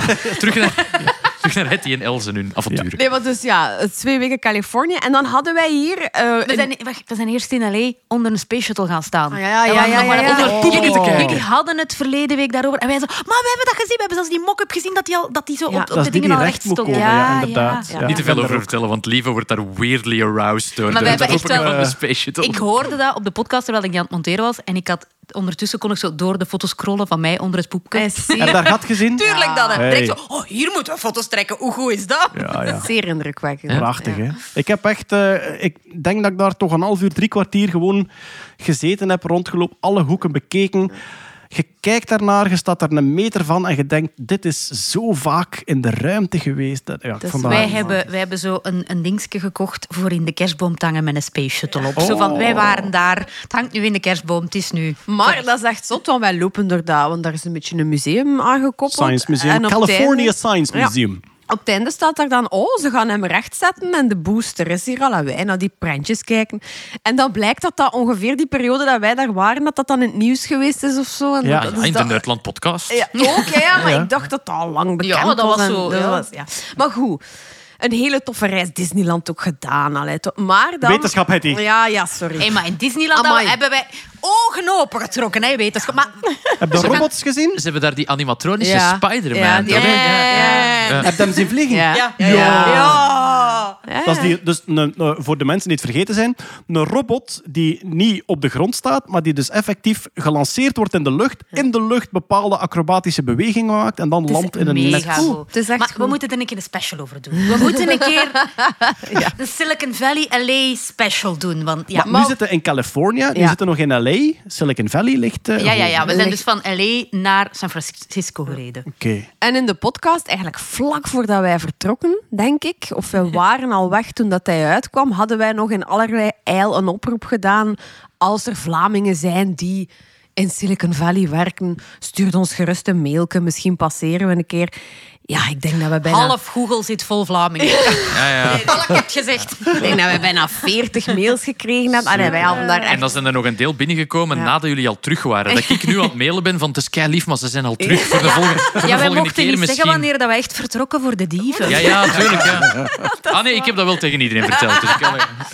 Maar uiteindelijk allee, hebben we, er, we hadden dan één dag en hebben we dan drie bedrijven ehm, waar dat we echt binnen geweest zijn. En ik vond dat, ik vond dat ongelooflijk. We zijn bij Microsoft geweest. Daar hebben we ontbeten. Ja, eh, er was een eh, Niels Fransens werkt daar. Eh, Niels is een Vlaming, is vijf jaar geleden ongeveer met zijn vrouw Kelly naar daar verhuisd. Gewoon de sprong gewaagd. Zij werkt bij een biotech company en die hebben in San Francisco een leven uitgebouwd. Super. Dus we zijn bij Microsoft gaan ontbijten. Dan hebben we daar een soort tech-rondleiding gekregen. Ja, dat was Ehm, supercool. ja, dat was echt cool. Zo, echt zo in een speciaal experience center, Ja. waar dan Niels zelf ook nog niet was binnengemogen. Oh. Ja, ja, dat was... eh, dan, ja, kort, hè, bij Apple zijn we dan gaan lunchen. Ja, bij Eh, Yves. Ja, Yves Klaas eh, werkt daar. Die man... Ah, ik dacht Johnny Eve, gelijk de designer van Apple. Nee, nee, nee. Ja, bij Yves. Even casual. Ja. Ook een Vlaming. Tim, ik vind Tim dat, Apple. dat is de, een man, een Vlaming, die mee programmeert aan Apple Maps. de kaarten die wij gebruiken, die zit daar. Die heel de wereld gebruikt. Als je Apple Maps gebruikt en die geeft u een suggestie, dat is Yves. Maar die moet druk hebben. Oh, die Jeroen heeft dit nodig. En die doet dat zo samen met nog één en andere Met mens. twee zijn ze op Maps. Is het echt? That's it. That's it. op suggesties van Maps. Ja, op- sorry. Ah, ik, Ja, ik ja, dacht nee, nee, van, nee. dat is één iemand in een gigantisch team, maar de suggesties van Maps, dat is de helft daarvan. Is Is Vlaams. iets mooi, jongens. Zo gekop, ja, ja, gekoppeld aan de kalender of zo. Van, je moet nu vandaag naar daar, dus suggestie, wij denken dat je hem zo laat. Ja, dat is... Ja, dus al die, al die... En zo bedenken van wat kan nog interessant zijn, dat dat kan of dat dat Maar doet. dat vind ik zo heerlijk aan Vlaming zijn. Als je hoort van een Vlaming die ergens iets wereldwijd doet, dan gaat je denken, wat? Wij? Wij? Wij Ja, bestaan? Maar ik vind dat straf dat er zoveel Vlamingen mee vormgeven aan de technologie die wij elke dag Ja, we gebruiken. zitten er Voilà. veel in maar San Francisco. ja, dat... Maar wij- Ik denk dat je Jan Jan Bon een kleine erectie bezorgd hebt. eh, Maar we gaan elk, we elk In zijn, in zijn volgende speech. Het is belangrijk te beseffen hoeveel Vlamingen dat er eigenlijk betrokken zijn in onze wereldwijde technologie. Geen Maar ook zo- sponsor. we Maar ook zo, die zijn... eh, Die, ja, sorry. We- Ja, we hebben er elk jaar een grote conferentie in Silicon Valley van chipontwerp dan. En dan doen we ook daar een receptie. En dan werken we samen met de Belgian Chamber of Commerce. En dat is daar gigantisch, dat netwerk. Ongelooflijk veel Belgen die daar wonen. Ik was mij daar niet van bewust. Ja, duizend. ik denk heel weinig veel. mensen. Zeker. Maar goed, eh, de, de Nerdland groepsreis naar Silicon Valley. Ja, eh, ja, wanneer gaan we ze plannen? ja. Eh, wie je, gaat er nog bedrijven gedaan? Ja, en Ja. dan... Dan zijn we in de TARDIS blijkbaar gestapt en 20 of 30 jaar in de Amai. toekomst gereisd. En dan zijn we bij Nvidia binnengekomen. Just Wat pews. was Ik had, ik had mijn boodschappenlijstje meegegeven. Een RTX 4090. Hoe moeilijk is het om iets voor Jeroentje mee te ergens, pakken? ergens voor de hebben dingen. Zo, dat Ah, was waar al is oud. Waar is hem? Oké, we gaan het duiden. Nvidia, grafische kaarten, GPU's. Dat komt binnen die mail en ik denk... Nee, ik dacht Nee. van, oeh, Dat als Nvidia valt. Maar wacht, dan is zijn dat- de chipmensen altijd Dat zijn de wel... chipmensen. Ja, die ja, zijn, ja, ja. eh, Enkel GPU's? cool. Eh, nee, die maken eh, ook hardware. Ja, die, die, ze zijn begonnen in GPU's, maar ze maken tegenwoordig ook hardware voor AI. Wat dat ook een beetje grafische kaarten zijn, maar die heel specifiek die AI-trainingsberekeningen kunnen doen. En onlangs op de beurs, denk bij hun laatste earnings, zijn ze gigantisch gestegen. Ze hebben de, alle verwachtingen overtroffen. Dat is het hot AI-bedrijf van nu. Maar dus Mensen heel, die leven ehm, in de toekomst. Maar dat dus is crazy. heel typisch aan GPU's, eh, als ik mij Die niet kunnen vergis, heel... Die kunnen verschillende berekeningen tegelijk doen. Ja. Heel veel in parallel. Heel veel in parallel. Die kunnen, die kunnen heel goed. Vroeger bij videogames moest je heel veel berekeningen doen met driehoekjes, want het hele beeld was opgebouwd uit driehoekjes. Polygonen, ja. En dan had je hardware nodig die heel gemakkelijk driehoekjes van punt A naar punt B kon verplaatsen. Daar de berekeningen voor doen. Als je dat allemaal in hardware kon doen, ging dat snel. Als dat snel gaat, draait je spelletje goed. Dat is een GPU. En weet je wat dat heel cool is? Die hebben net een heel nieuw campusgebouw gezet. En dat is helemaal opgebouwd uit driehoekjes. Polygonen. Ah. Maar Marian, waarom is zo'n parallelle rekenende kaart zoals een GPU, waarom is die ook boeiend voor AI? Wat je eigenlijk ziet in neurale netwerken is dat je die laag per laag uitrekent. Ehm, maar zo één laag moet miljarden berekeningen doen. En, en vroeger, traditionele algoritmes, die waren heel sequentieel. Je moest dit getal berekenen. na het ander, ja. En daarmee het volgende. Maar nu rekent je een hele laag. Dat zijn miljarden dingen die in parallel kunnen. En dan ga ik naar de volgende laag. Maar dus kan ik veel meer parallel rekenen dan vroeger. En die GPU's die konden dat al. Want voor onze beeldschermen, om, om al die beelden te renderen, moesten we dat ook al doen. Dus eigenlijk- mensen hebben eigenlijk gewoon gedacht, oh, ik kan dat eigenlijk gebruiken voor iets dat niet voor bedoeld is. En dat is een vlucht genomen. In 2017 is die Google-paper uitgekomen, Attention is all you need. En Ja. dat, dat was een parallele manier om aandacht tussen woorden te coderen op, op, ja, op een GPU eigenlijk. En dat heeft er eigenlijk voor gezorgd, de enorme parallelisatie van al die dingen waardoor, waardoor dat we staan, met- waar dat we nu staan met AI. En Nvidia was toevallig het bedrijf dat die kaarten maakte. Nvidia, wij kennen dat allemaal als een chipbedrijf, maar zij zeggen van zichzelf, wij zijn dat niet, wij zijn een softwarebedrijf. En wat Ah, dat allebei, die aan het doen zijn, Die zijn van dus. R&D, van die zitten Ja. 30 jaar En verder. die gulden een NDA moeten tekenen en mogen daarom niks vertellen? We, we, we, we- We hebben misschien niet alles helemaal verstaan. En dat...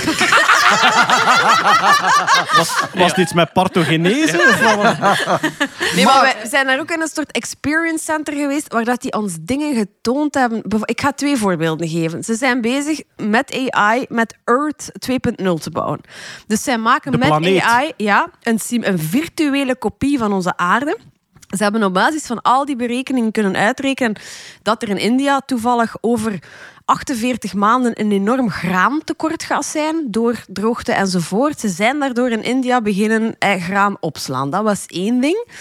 Dat vind ik maf. Dat is zo'n Dus door digital hun voor- twin Ja. eigenlijk. Eigenlijk Digital twin van ja, de ja, aarde. daar zijn ze Ja. heel veel mee bezig. met Totale simulatie. Maar echt. Ja. Door hun voorspelling Ja. is de politieke beslissing genomen om graan op te slaan. En een tweede ding, waar ik, want er, was- het was honderd dingen waar Ja. ik van achterover viel. Maar een tweede ding, bijvoorbeeld, wat ze nu doen, is eh, met AI scannen ze ehm, iedereen, eh, met camera kijken ze naar iedereen die in een school binnenkomt, bijvoorbeeld. En ze kunnen nu op basis van AI de manier waarop dat mensen lopen, zien of dat die een wapen dragen of niet. Een verborgen wapen. Een, een verborgen wapen.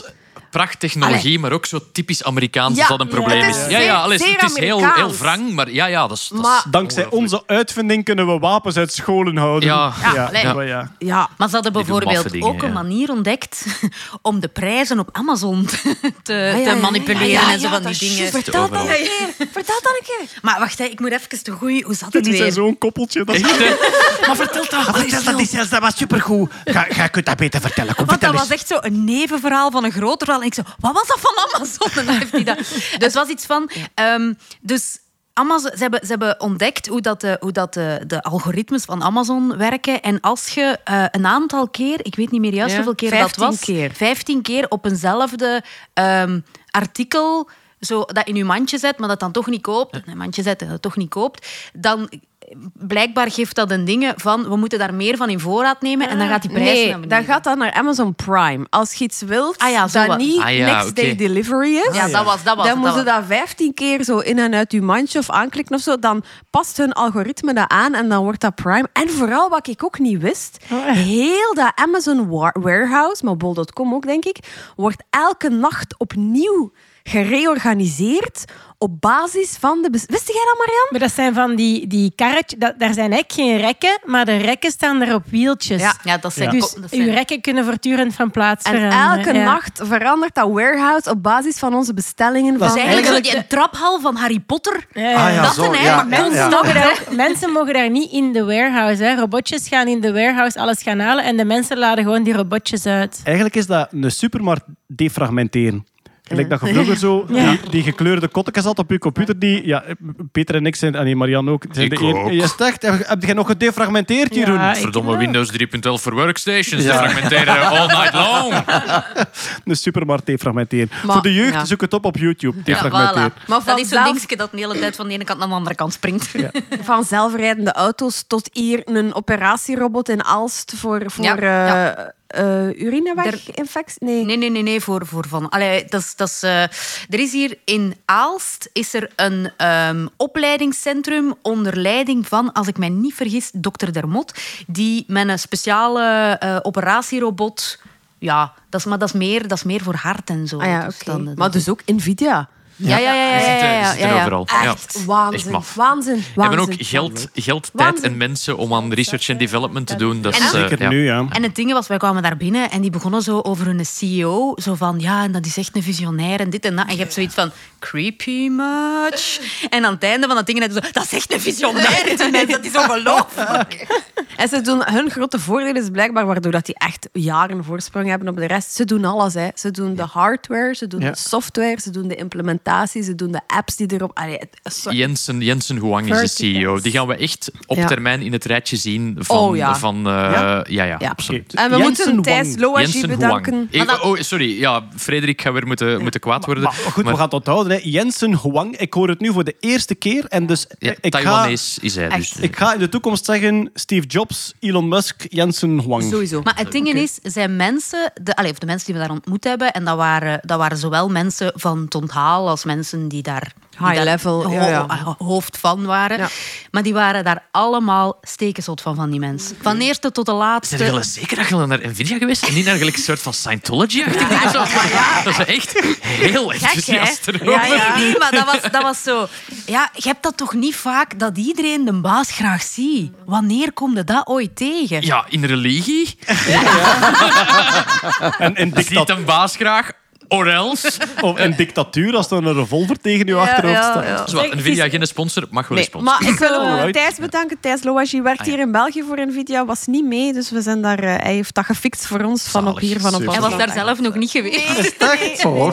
En ook alle mensen die bedankt hebben, eh, alle mensen bedanken Ja, die ja, ja. gemaild hebben, Ja, maar die dat we niet echt. hebben in contact Ja, kunnen ja, brengen, ja, want ja. het was echt Ik ga in februari nog eens, dus ik zal Ah, weer wel wat contacten om door te sturen. Marianne wil Ja. naar Nvidia. Je Ja, hebt het hier gehoord. daar kan ik zelf Dus naar Ah, ja, RTX voilà. 4090. Nee, maar het is natuurlijk geen tech. Maar wat eh, ik mij altijd opvalt bij die bedrijven is hoe goed dat daar ingericht en omkaderd Oh, is. ja. Bijvoorbeeld op Meta ga je binnen en daar is de ijscreamstand Ah, en daar is de pizza place. En dat is eh, abs absurd, Bij Microsoft absurd, hebben ze een makerspace. Een eigen makerspace. Waar dat je gewoon kunt je, ja, je hobby gaan doen. Een 3D-printen, beetje gaan klikken of lasercutten. zo. Maar bij Apple totaal niet, hè. Dat was... Oh, Nee. maar die hebben dat niet nodig, hè. Ah, ja. Allee. Ja, en echt zoiets Alhoewel van... dat je daar wel dood moet werken. Ik ken een paar mensen waar? daar Ah, wel, ja. Dag en nacht. Maar ze, ah, je wil een hobby doen? Ja, doe dat dan ergens anders, maar... Ik ben ooit gaan solliciteren bij Qualcomm en daar zeiden, ik vroeg zo, ah cool, aan de beach in San Diego. En, en ik zei, ah, dan gaat iedereen s'avonds nog even naar het strand. En die man zei heel droog, when we go out at night, it is dark. Oh, eh, ja, gewerkt tot dat. Ja, denk dat ze heel When you are very silent, you can hear a bee. Maar wat dat wel zo... Allee, je gaat dan inderdaad bij Microsoft en daar hebben we dan ontbeten. En dat was zo een mega groot buffet. Aan de ene kant koud, aan de andere kant warm. Pak maar, jongens, pak maar. En dan zijn we gaan lunchen bij Apple. We moeten zelf betalen. Moet ik wel zeggen, een van de beste lunches die ik al heb gegeten. Was mega lekker, maar Yves heeft dat wel voor ons betaald. Het is heel goed, maar het is super duur. Hè? Dat is Apple. Hè? Dat is Apple, hè. En bij Microsoft, bij Microsoft, je kan pakken wat je wilt, maar staan heel, een heel lange wachtrij. En past die puree bij die, bij die Ja. kroketjes? Misschien niet, maar je kunt het samen eten. Terwijl bij Apple kun je die puree en die kroketjes krijgen, maar niet te Manneke, samen. maar die zalm, dat was goed. En het zou ook kunnen halverwege je ontbijt dat vastloopt. Dat je eigenlijk niet, niet verder kunt. Ctrl-Alt-Delete, Ja. kijken wat er mis terwijl, is. dat je, terwijl je aan het eten bent bij Apple, is er al een nieuw gerecht uit dat beter is. En bij Nvidia hadden ze dan zoiets van, hoezo eten? Dat is toch niet meer van deze tijd? Die poep. We hebben, we hebben hier een virtual twin van een sushi-gerecht. Oké, tot zover het Silicon Valley nieuws. Dank Wie nog, iedereen. Ja. wie nog meer enthousiasme wilt, die moet maar eens eh, Els en Hetty proberen samen te treffen ergens op café of gelijk wat. Dat krijg je Maar volgens we mij... willen eigenlijk echt heel graag dan een special een keer over doen. Ah, dat is Zo, goed. Hè, Marianne Ja. heeft nog daar Ja, in de buurt. Jij bent een keer in Silicon Valley geweest. We hebben nog wel wat verhalen. Misschien vinden we wat Belgen ook, ja, die, eh, misschien die iemand, daar gewoond als er, hebben. of als er inderdaad iemand die ginder gewoond en gewerkt heeft en die ondertussen terug hier is, of tijdelijk hier is. Maar zo. ook die lifestyle is heel boeiend. Hè. Hoe wonen die daar? Wat betalen die? Wat verdienen die? Allee, dat was echt... Dat is mij enorm opgevallen in mijn korte tijd in LA dan. Die, de, de rol die eh, fast investment, dus het snel investeren met enorme bedragen in risico-startups, welke rol dat, dat speelt in dat ecosysteem, dat wist ik niet. Maar dat is, je hebt een podcast, die All In. En die all-in is heel boeiend, omdat het heel vaak over eh, technologie gaat. Maar eigenlijk is dat een podcast over investeren. En die zijn constant bezig over eh, wat kunnen we oplossen met kapitaal, hoe moet je kapitaal verschuiven. Maar uiteraard gaat het dan wel over AI-investeringen enzovoort. enzovoort. Ja, een, een zeer boeiend aspect, onder andere aan eh, het leven daar. De rode rakker in mij stijgert. Maar oké, we gaan verder. voilà. We gaan verder met nog enkele andere onderwerpen die wij staan hebben, zoals Peter. Meer dan de helft van het leven op aarde zit in de grond. Ja, Wat? Dat blijkt. Dat is een beetje zoals meer dan de helft van de VRT-kijkers over een paar jaar. Maar ehm, Uncalled voor. Maar oké. Ja, is dat een probleem dat dat daar zit, Peter? Nee, nee, nee, nee, nee Ah, dat is helemaal geen probleem. Chanske. Nu, ehm, het is een onderzoek van het Zwitserse Instituut voor Bos, Sneeuw en Landschapsonderzoek. bos, sneeuw en las. Die hebben gewoon uit het raam gekeken in Zwitserland. Wat hebben we hier? Bos, sneeuw en Bos, Sneeuw en. Landschapsonderzoek. Ik wil daar ja. werken. Ja. Gewoon op landschap. En die, ehm, die hadden het idee opgevat om... om ehm, het, eigenlijk is het een review. Het is dus geen ehm, oorspronkelijk onderzoek. Het is gewoon een review van al het onderzoek wat er tot nu toe al is Dus gedaan. die doen niet eens zelf onderzoek. Nee. Dus die zitten een hele dag naar buiten te kijken en dingen te lezen. Naar de sneeuw. Nee, nee, ja, maar dat zijn allemaal rotsen. Daar is geen grond. Volgens mij zit er toch nog veel onder de grond. En sneeuw.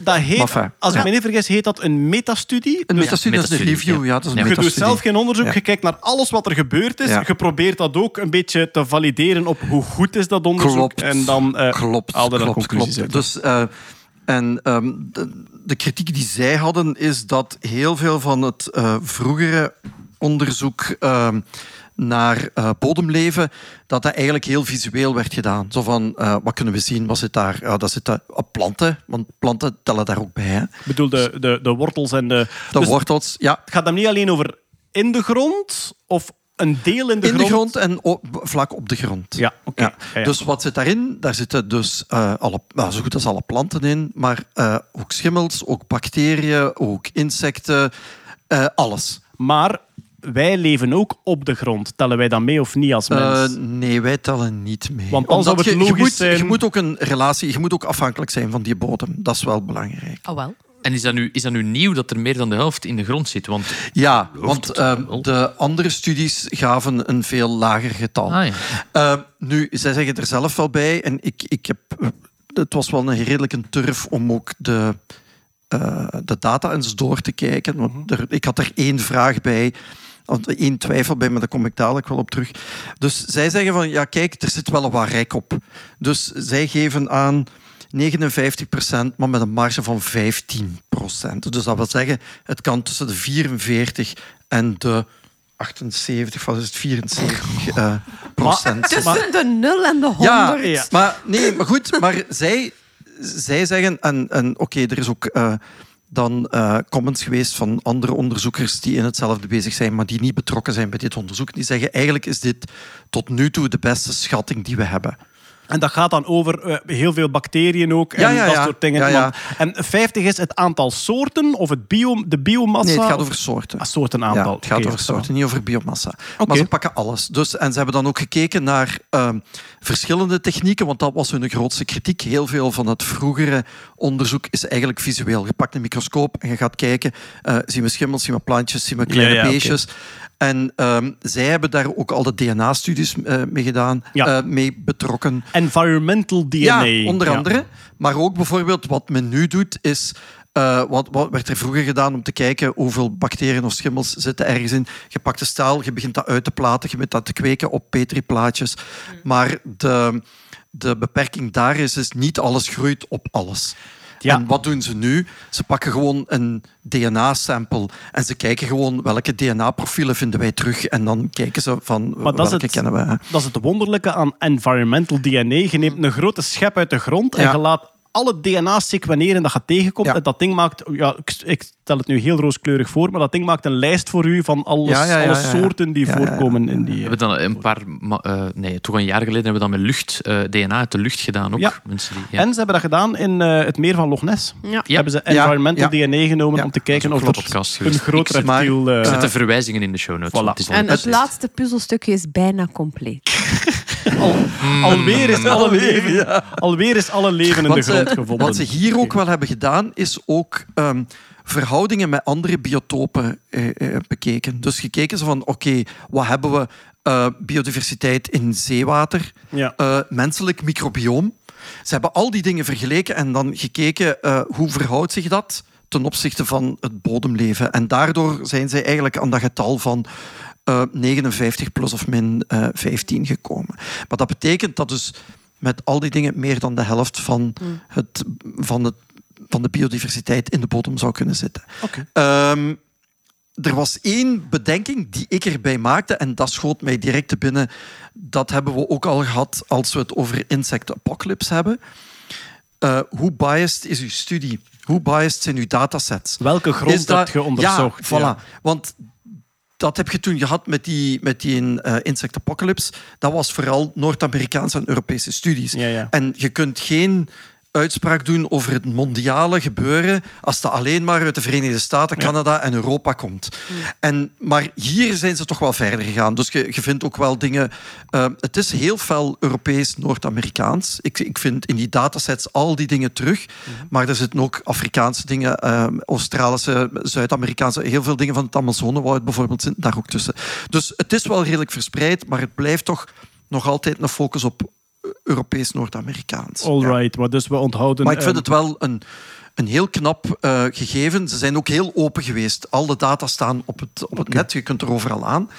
En eh, het, ja, volgens andere wetenschappers is dit de, de beste schatting die we tot nu toe hebben gehad. De meest accurate. Zeer veel leven in de grond. Ja. Trouwens, dat kunnen we iedereen aanraden als je in een bos bent of een beetje een begroeid gebied. Je hebt de strooisellaag, hè, dus Ja. zo die, die dunne laag van droge bladeren en Van naaldjes. plantaardig materiaal. ja. Als je je gewoon een keer op je knieën zet en met je hand eh, haalt je daar de bovenste laag van weg, dan sta je versteld van welk een universum van... eh, ja, eh, Maar je kunt zelfs die laag zelf ook pakken. Hè? Ah dat voilà. is iets wat, wat de entomologen bijvoorbeeld doen. Wij hebben een, een, een, een zeef, een zakzeef, daar gooien we dat in. Zeef dat gewoon en dan kijk je, je doet dat van onder dan open en dan strooit je dat uit op een doek. En dan zie je dus wat er al, allemaal aan beesten in die strooislaag alleen al zitten. Als je heel stil bent in het bos, dan kan je een bij horen.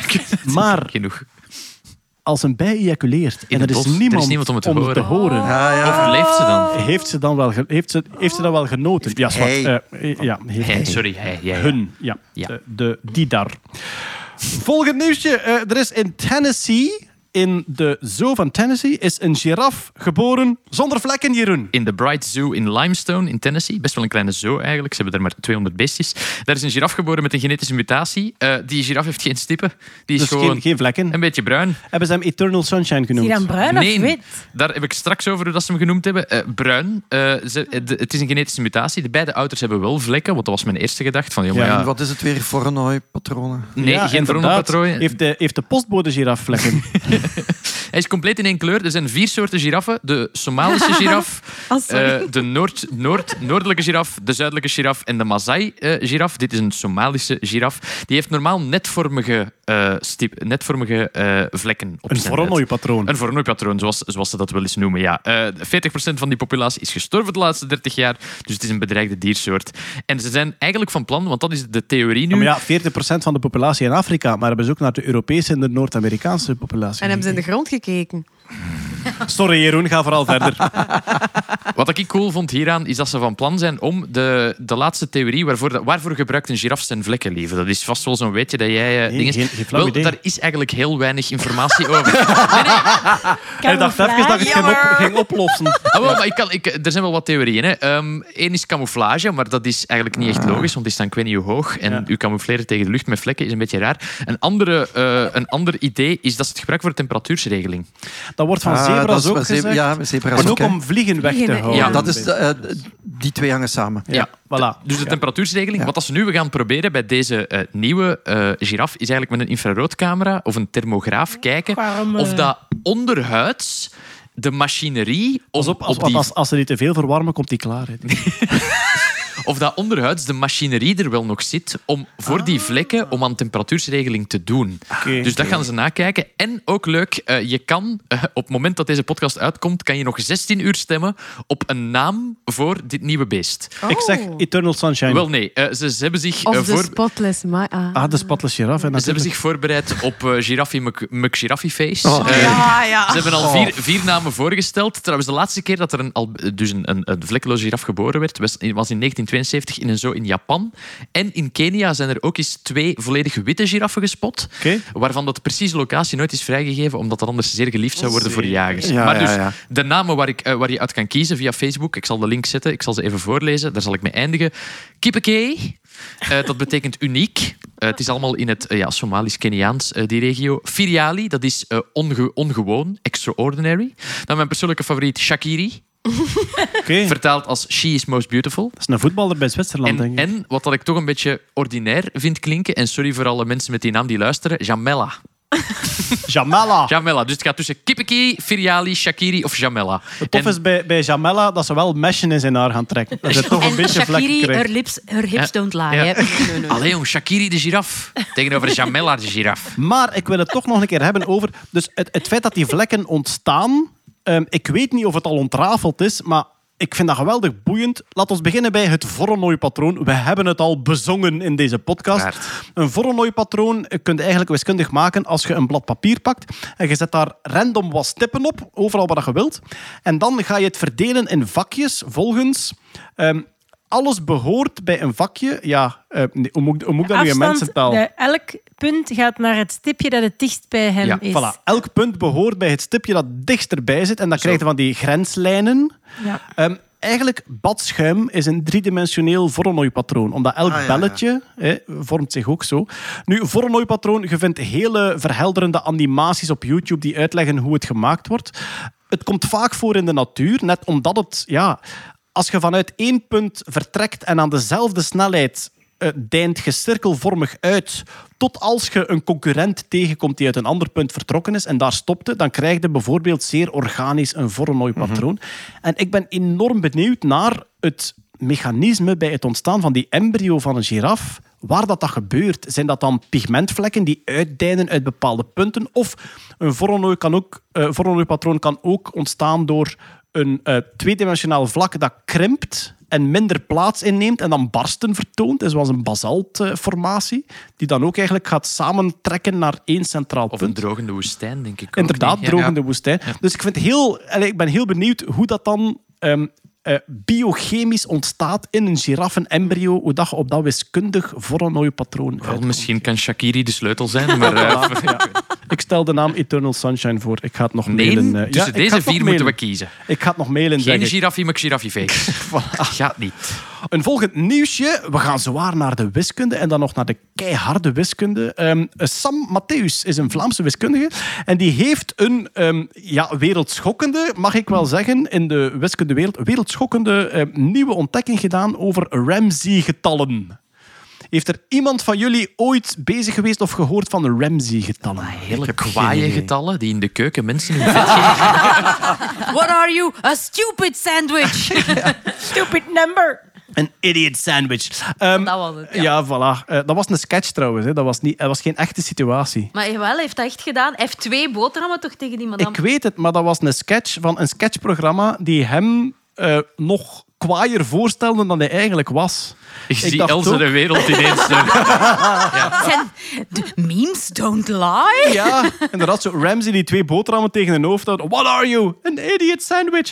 En blijkbaar was dat een sketchprogramma waarin dat hij een nog kwaaiere versie speelde van zichzelf. Ik heb ook lang gedacht dat hij dat echt gedaan had, maar het was dus, het was dus voor Maar de hij grap. speelt het wel zelf. Ja, hij speelt het ah, ja, zelf. maar het komt Ja. gewoon niet uit een van zijn programma's. Ja, ja, ja, inderdaad. Oh, Ja, ja, want ja. dat Die- is zeer moeilijk. Hè? Ja, dat ja, is ja, al, ja, ja, dat is eh, meta. ja.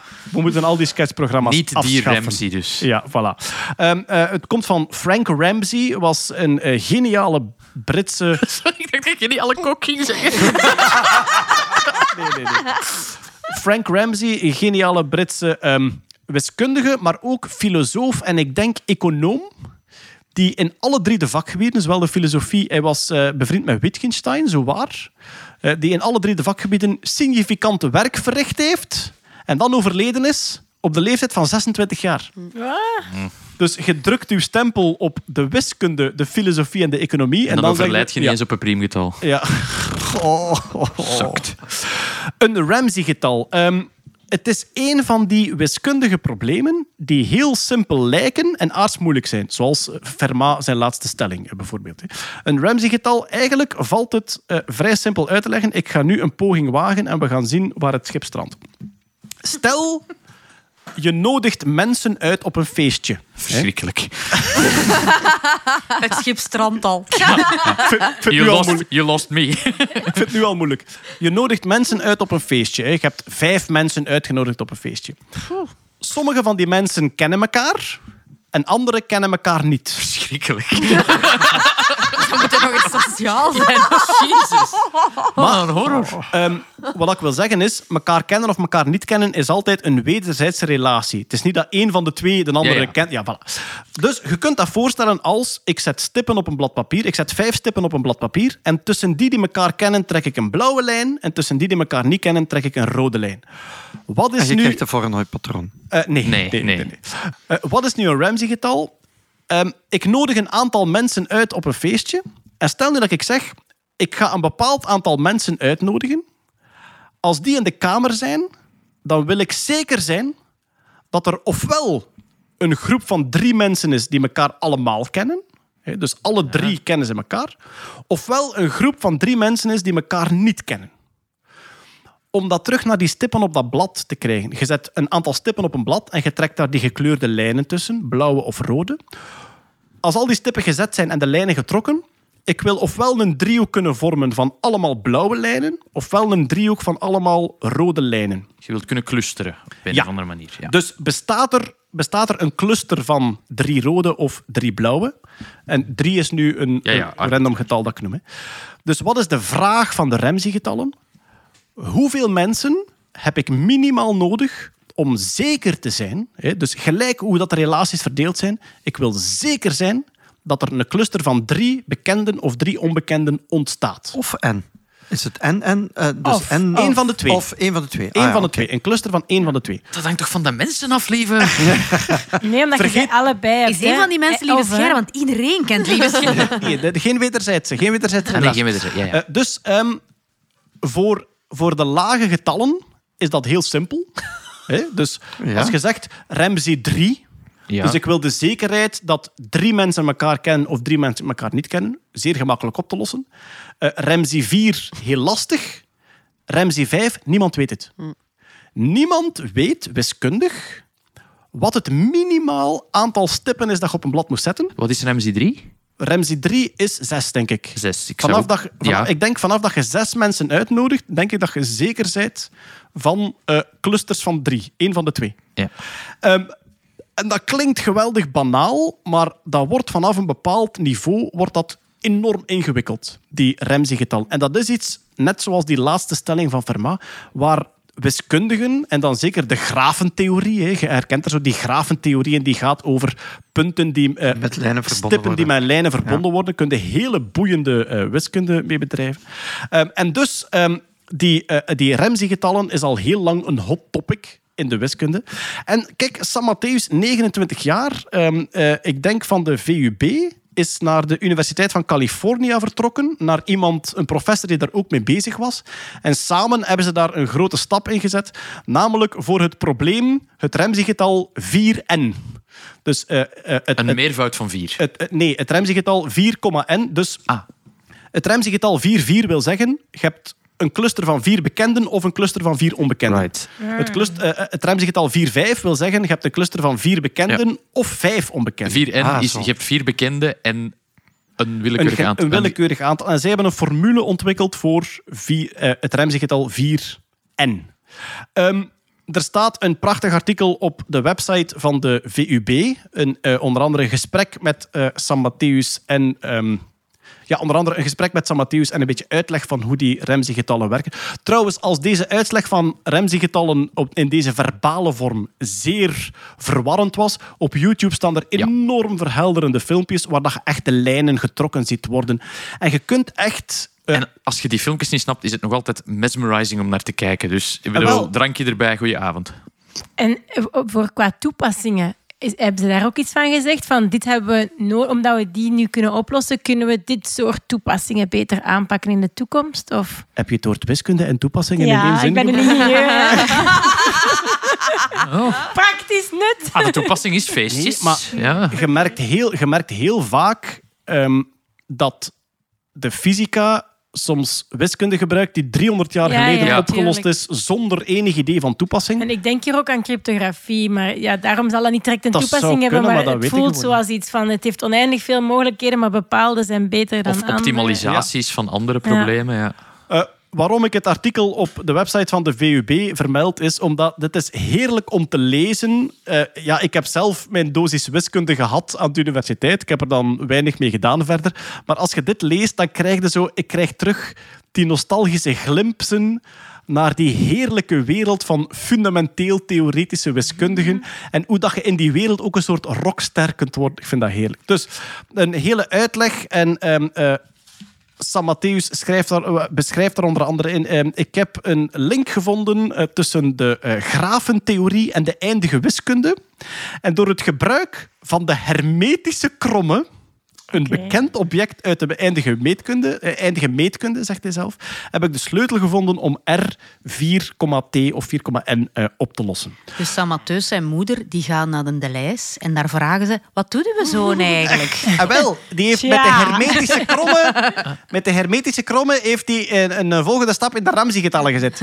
En dan hoop ik dat ze daar allemaal trots zijn. Maar dan was het echt wel een goede maand. Want ik dacht dat je het over iets anders ging hebben. In de Ah. standaard stond er eh, ook een artikel. eh, een, een millimeterspurt tussen een Belg en een Duitser. Ja. eh, beslist een wiskundige race die al Juist. 32 jaar bezig is. Dat ging over... Daar was de Belg net iets later of, of later gepubliceerd. De publiek, ze, waren er, ze waren erop bezig zonder dat ze het wisten van elkaar. Ja, ja. En Ja. heel toevallig waren ze vlak Ja, voor of na elkaar Dat was eh, gepubliceerd. Lennart van Hirtem, die is 24 blijkbaar. En dat gaat over het, het zoveelste getal van Dat is ook zoiets van als je zoveel stappen doet. In het eerste is het gemakkelijk op te lossen, in het tweede daar. En nu is dat het negende. En eh, ja, dat is KU Leuven. Dus het is, het is eh, een, een wiskundige maand. Dus inderdaad, ja.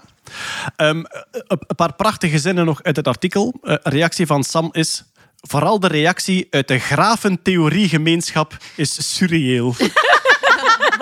Dus Ah. Sam is nu een soort rockster in de grafentheoriegemeenschap. En ze bestaat, dames en heren. Laat u niks mijsmaken door de mainstream media. De grafentheoriegemeenschap Maar die grafentheoriegemeenschap die is goed geconnecteerd hoor. Die heeft, eh, Schoontje. Dank je. Ehm, dus hij krijgt constant telefoons en hij mag overal gaan praten op congressen. Dus je kunt echt zo internationale rockstar zijn. Hij mag een lezing in China gaan geven. En ik- eigenlijk wil ik erbij zijn. Ik bedoel, mens, een, een, een groep mensen die zich al jarenlang zodanig interesseert en inwerkt in een thema, zoals grafentheorie, en die dan in beate, in beate bewondering kijken naar iemand die daar een grote stap in gezet heeft. Hoe, hoe En dan kan zo'n het worden? twintiger, dat is toch ja, geweldig. Maar dat is vaak bij wiskundigen. Hè, dat Dan het, op de top van je creativiteit. ja, hè. er wordt vaak gezegd, eh, jonge wiskundigen moeten dingen bewijzen, oude wiskundigen moeten lesgeven. Omdat blijkbaar die echte grote inzichten en stappen vooruit blijkbaar van jonge wiskundigen komen. Ehm, en dan heeft hij er ook bij gezegd, hij komt eh, blijkbaar vanaf oktober komt hij terug naar de VUB. Dus we krijgen, dames en heren, een grafentheorie rockster in ons land. Beyoncé, inderdaad. Aan de VUB. komt terug. En hij zegt, ik kijk er naar uit om met mijn rugzak vol problemen terug te keren naar Brussel. Dat is mijn vakantie. Sam, Brussel is een rugzak vol problemen. Misschien kan je... Maar ook het feit dat een rugzak vol problemen iets positiefs is in eh, de wiskundige gemeenschap. Maar eh, eh, los van al ons geginnegap, om het zo maar te noemen, zeer indrukwekkend van Sam Mattheus. En blij dat hij terugkomt naar België. Misschien een hapklare, Absoluut. hapklare lezing voor het Nerdland Festival. Al hier allebei lijstjes. Ah, je hebt hem al ingevuld. Dat Voilà. kan al niet meer weigeren. Ja, voilà. De, de grafentheorie en de eh, Ramsey-getallen. Alright, wat hebben we nog staan? Ehm Marian, we hadden het daarnet al over enkele artificial intelligence nieuwtjes. Nog eentje die wel in het oog sprong was... ehm, AI kan horen wat je typt over een Zoom-gesprek. Ja, als je aan het zoomen bent, moet je wel oppassen wat je naar je lief tipt tijdens de Er is al vergadering. iemand ongerust. Allee, dat kan toch niet? Ja, wat ze gedaan hebben, is dus heel veel opnames gemaakt van toetsen die ingetipt werden en dan met de labels erbij. En dan hebben ze daar ook weer een neuraal netwerk op getraind. En hebben ze getest of ze daarna typgeluiden terug kunnen omzetten in letters. En het was Oh. 93 procent van de tijd juist.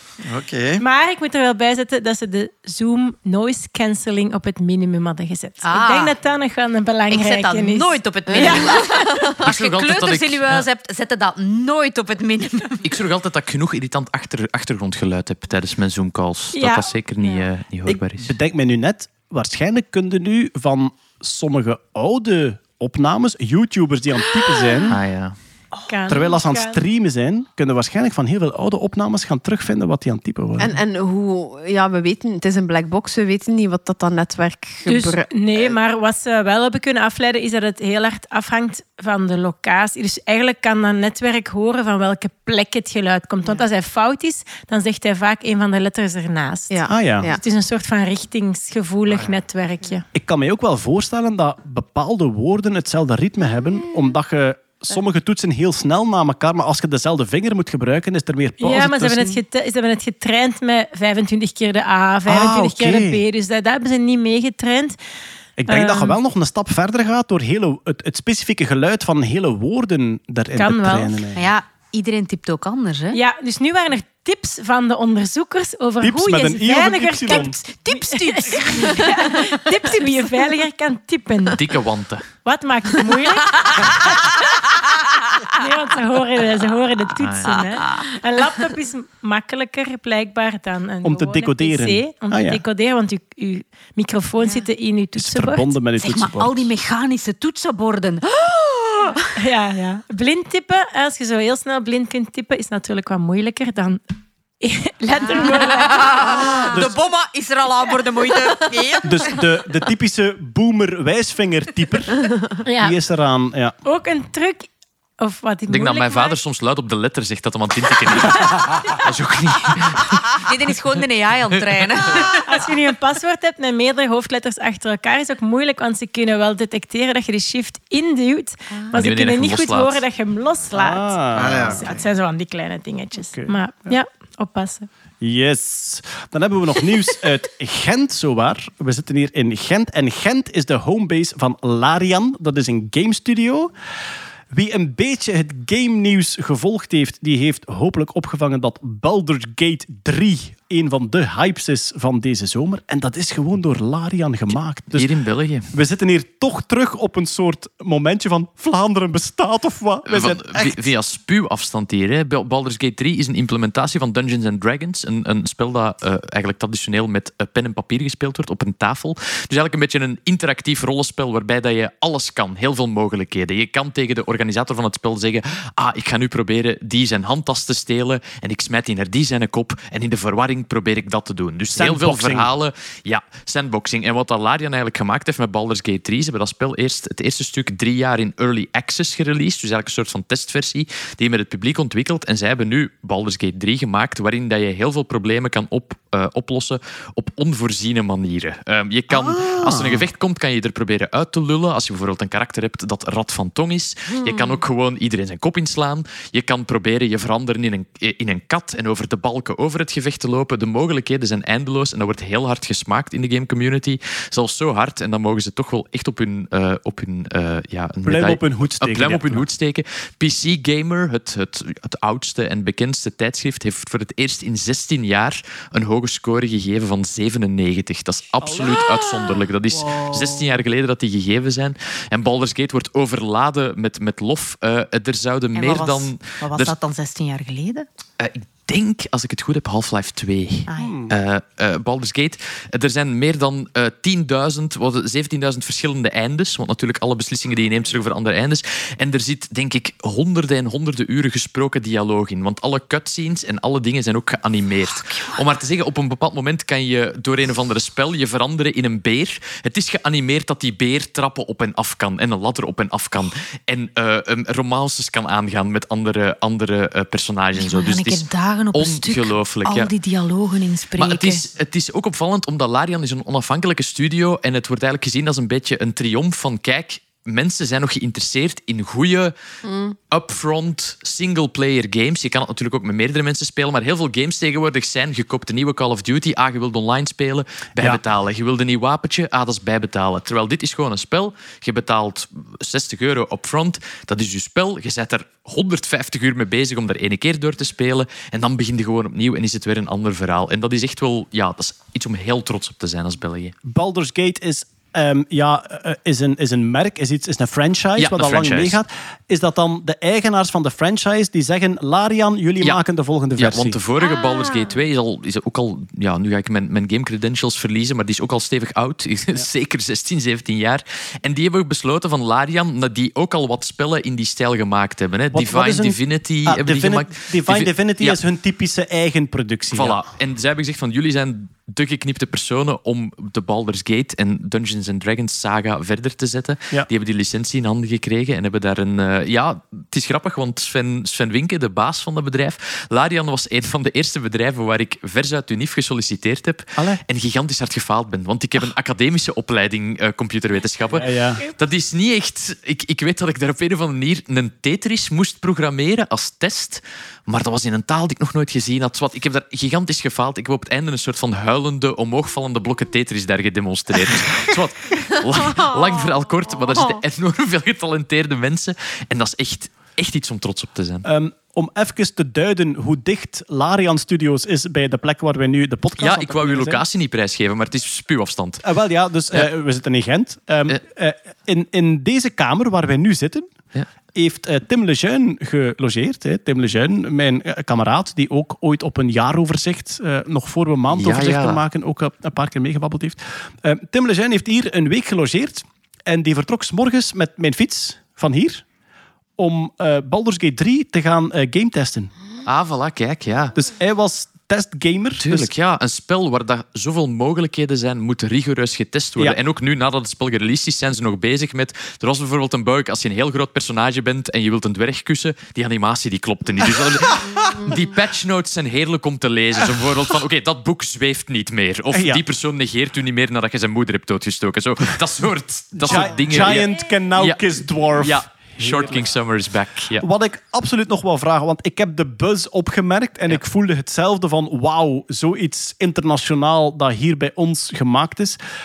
Hoe moeilijk is het voor mij, als iemand die na Call of Duty 3 amper nog gegamed heeft, hoe moeilijk is het voor mij om in te stappen in Baldur's Gate 3? Het is best wel moeilijk. Er zit heel veel complexe, complexe systemen achter. Maar het leuke is, falen is oké en het is goed om daarmee te rollen. Te- om te zeggen, ik heb het spel gespeeld. Ik ben een, een seasoned gamer. En tijdens de tutorial moest ik ergens een knop vinden. Dus ik ben op alles in de ruimte beginnen schieten. Ik heb een soort van alien lamp geraakt op het plafond. Daar is giftige pus uitgekomen en iedereen in mijn eh, team is doodgegaan. om maar te zeggen. Ik bedoel, falen is leuk en dan herlaat je gewoon en ga je verder. Dus zelfs als je de volledige D&D-regels en de dobbelstenen en alles daarachter niet snapt, is het gewoon een leuk spel om... Er gebeurt iets en er is, dat is het mooie aan de flexibiliteit. Er is altijd een manier om eruit te komen. Ook al doe je het op de meest cheesy manier ooit en steel je alle sleutels over de hele level van iedereen en los je het zo op. Er is creativiteit genoeg om er door te Het komen. is een beetje gelijk Taskmaster is nu het nieuw programma op de BBC dat heel populair is, waar dat je een taak moet uitvoeren, maar je moet ook heel Ja. vrij alles interpreteren en doen zoals Ik had geld wilt. nodig. Ik ben erin geslaagd om bij een zeker een handelaar van amai, kijk eens wat een schone potten en pannen dat ik hier gevonden heb. Hoeveel geeft me daarvoor? 20 euro, eh, 20 centjes in-game. Maar ik ben ook een heel goede dief. Dus wat dat ik deed is, ik leidde die persoon af, stal diezelfde potten en pannen terug en verkocht die terug aan hem. Oké. En dat steeds meer en meer en meer. En zo zit je snel aan duizend, eh, duizend centjes voor dezelfde potten en pannen. Ehm, misschien toch belangrijk, je hebt wel tijd nodig. Dus, Ja, oh ja, oh dus ja. ik, ik, kan De niet ge- zeggen, ik kan niet zeggen, eh, ik ben benieuwd naar Baldur's Gate. Ik, Ik ga het op een weekendje uitspelen. Ik ga eens een weekendje proberen, of nee, Nee. een weekendje kijken wat het is. Je moet wel, ja, Ja, de gemiddelde playthrough van begin tot einde is 150 uur. Maar opnieuw, het, het, het verhaal zelf is leuk om te volgen. Ik weet dat ik het misschien nooit helemaal zal uitspelen, maar ik ga er toch uren en uren en uren van mijn tijd aan verkakken om te leven in die wereld. Dus ja, Beste luisteraars, hier volgt een mededeling vanuit de montagekamer. Hey, het is hier Jeroen met nog een fijn weetje dat we pas ontdekt hebben na de opname van de podcast. Eh, in het spel Baldur's Gate 3 wordt Xander de Rijke, eh, vriend van de podcast, comedian. Die wordt dus in de credits van Baldur's Gate 3 vermeld met het, tekstje Special Shout-out to Xander de Rijke for making me laugh time and time again. Dus iemand bij Larian Studios, eh Stijn Dooyen, is fan van Xander. En hij zit in het spel zelf, namelijk in act 3 van het spel, dus eerder naar het einde. Volgens de projecties ga ik daar pas arriveren tegen eh, kerstmis 2027. Maar zit er een unholy assassin met de naam Rijke of Rike, zoals je wilt. Dus eh, kleine knipoog naar Xander de Rijke in Baldur's Gate 3. Cool, geeky, that's what we like. Einde bericht. op zich uitspelen is, is absoluut mijn doel niet. Het, het gevoel dat ik nu heb is... Er is echt wel iets legendarisch gebeurd vanuit België in de gamewereld. Ik zou graag weten wat het is. En ik voel mij zo... Ik, ja, de, de drempel lijkt mij zo hoog.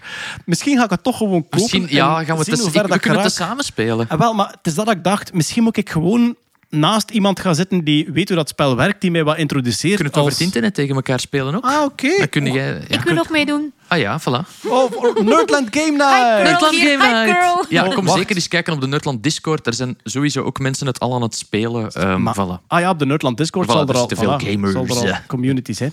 Misschien krijgen we wel een introductie bij de Larian Studios.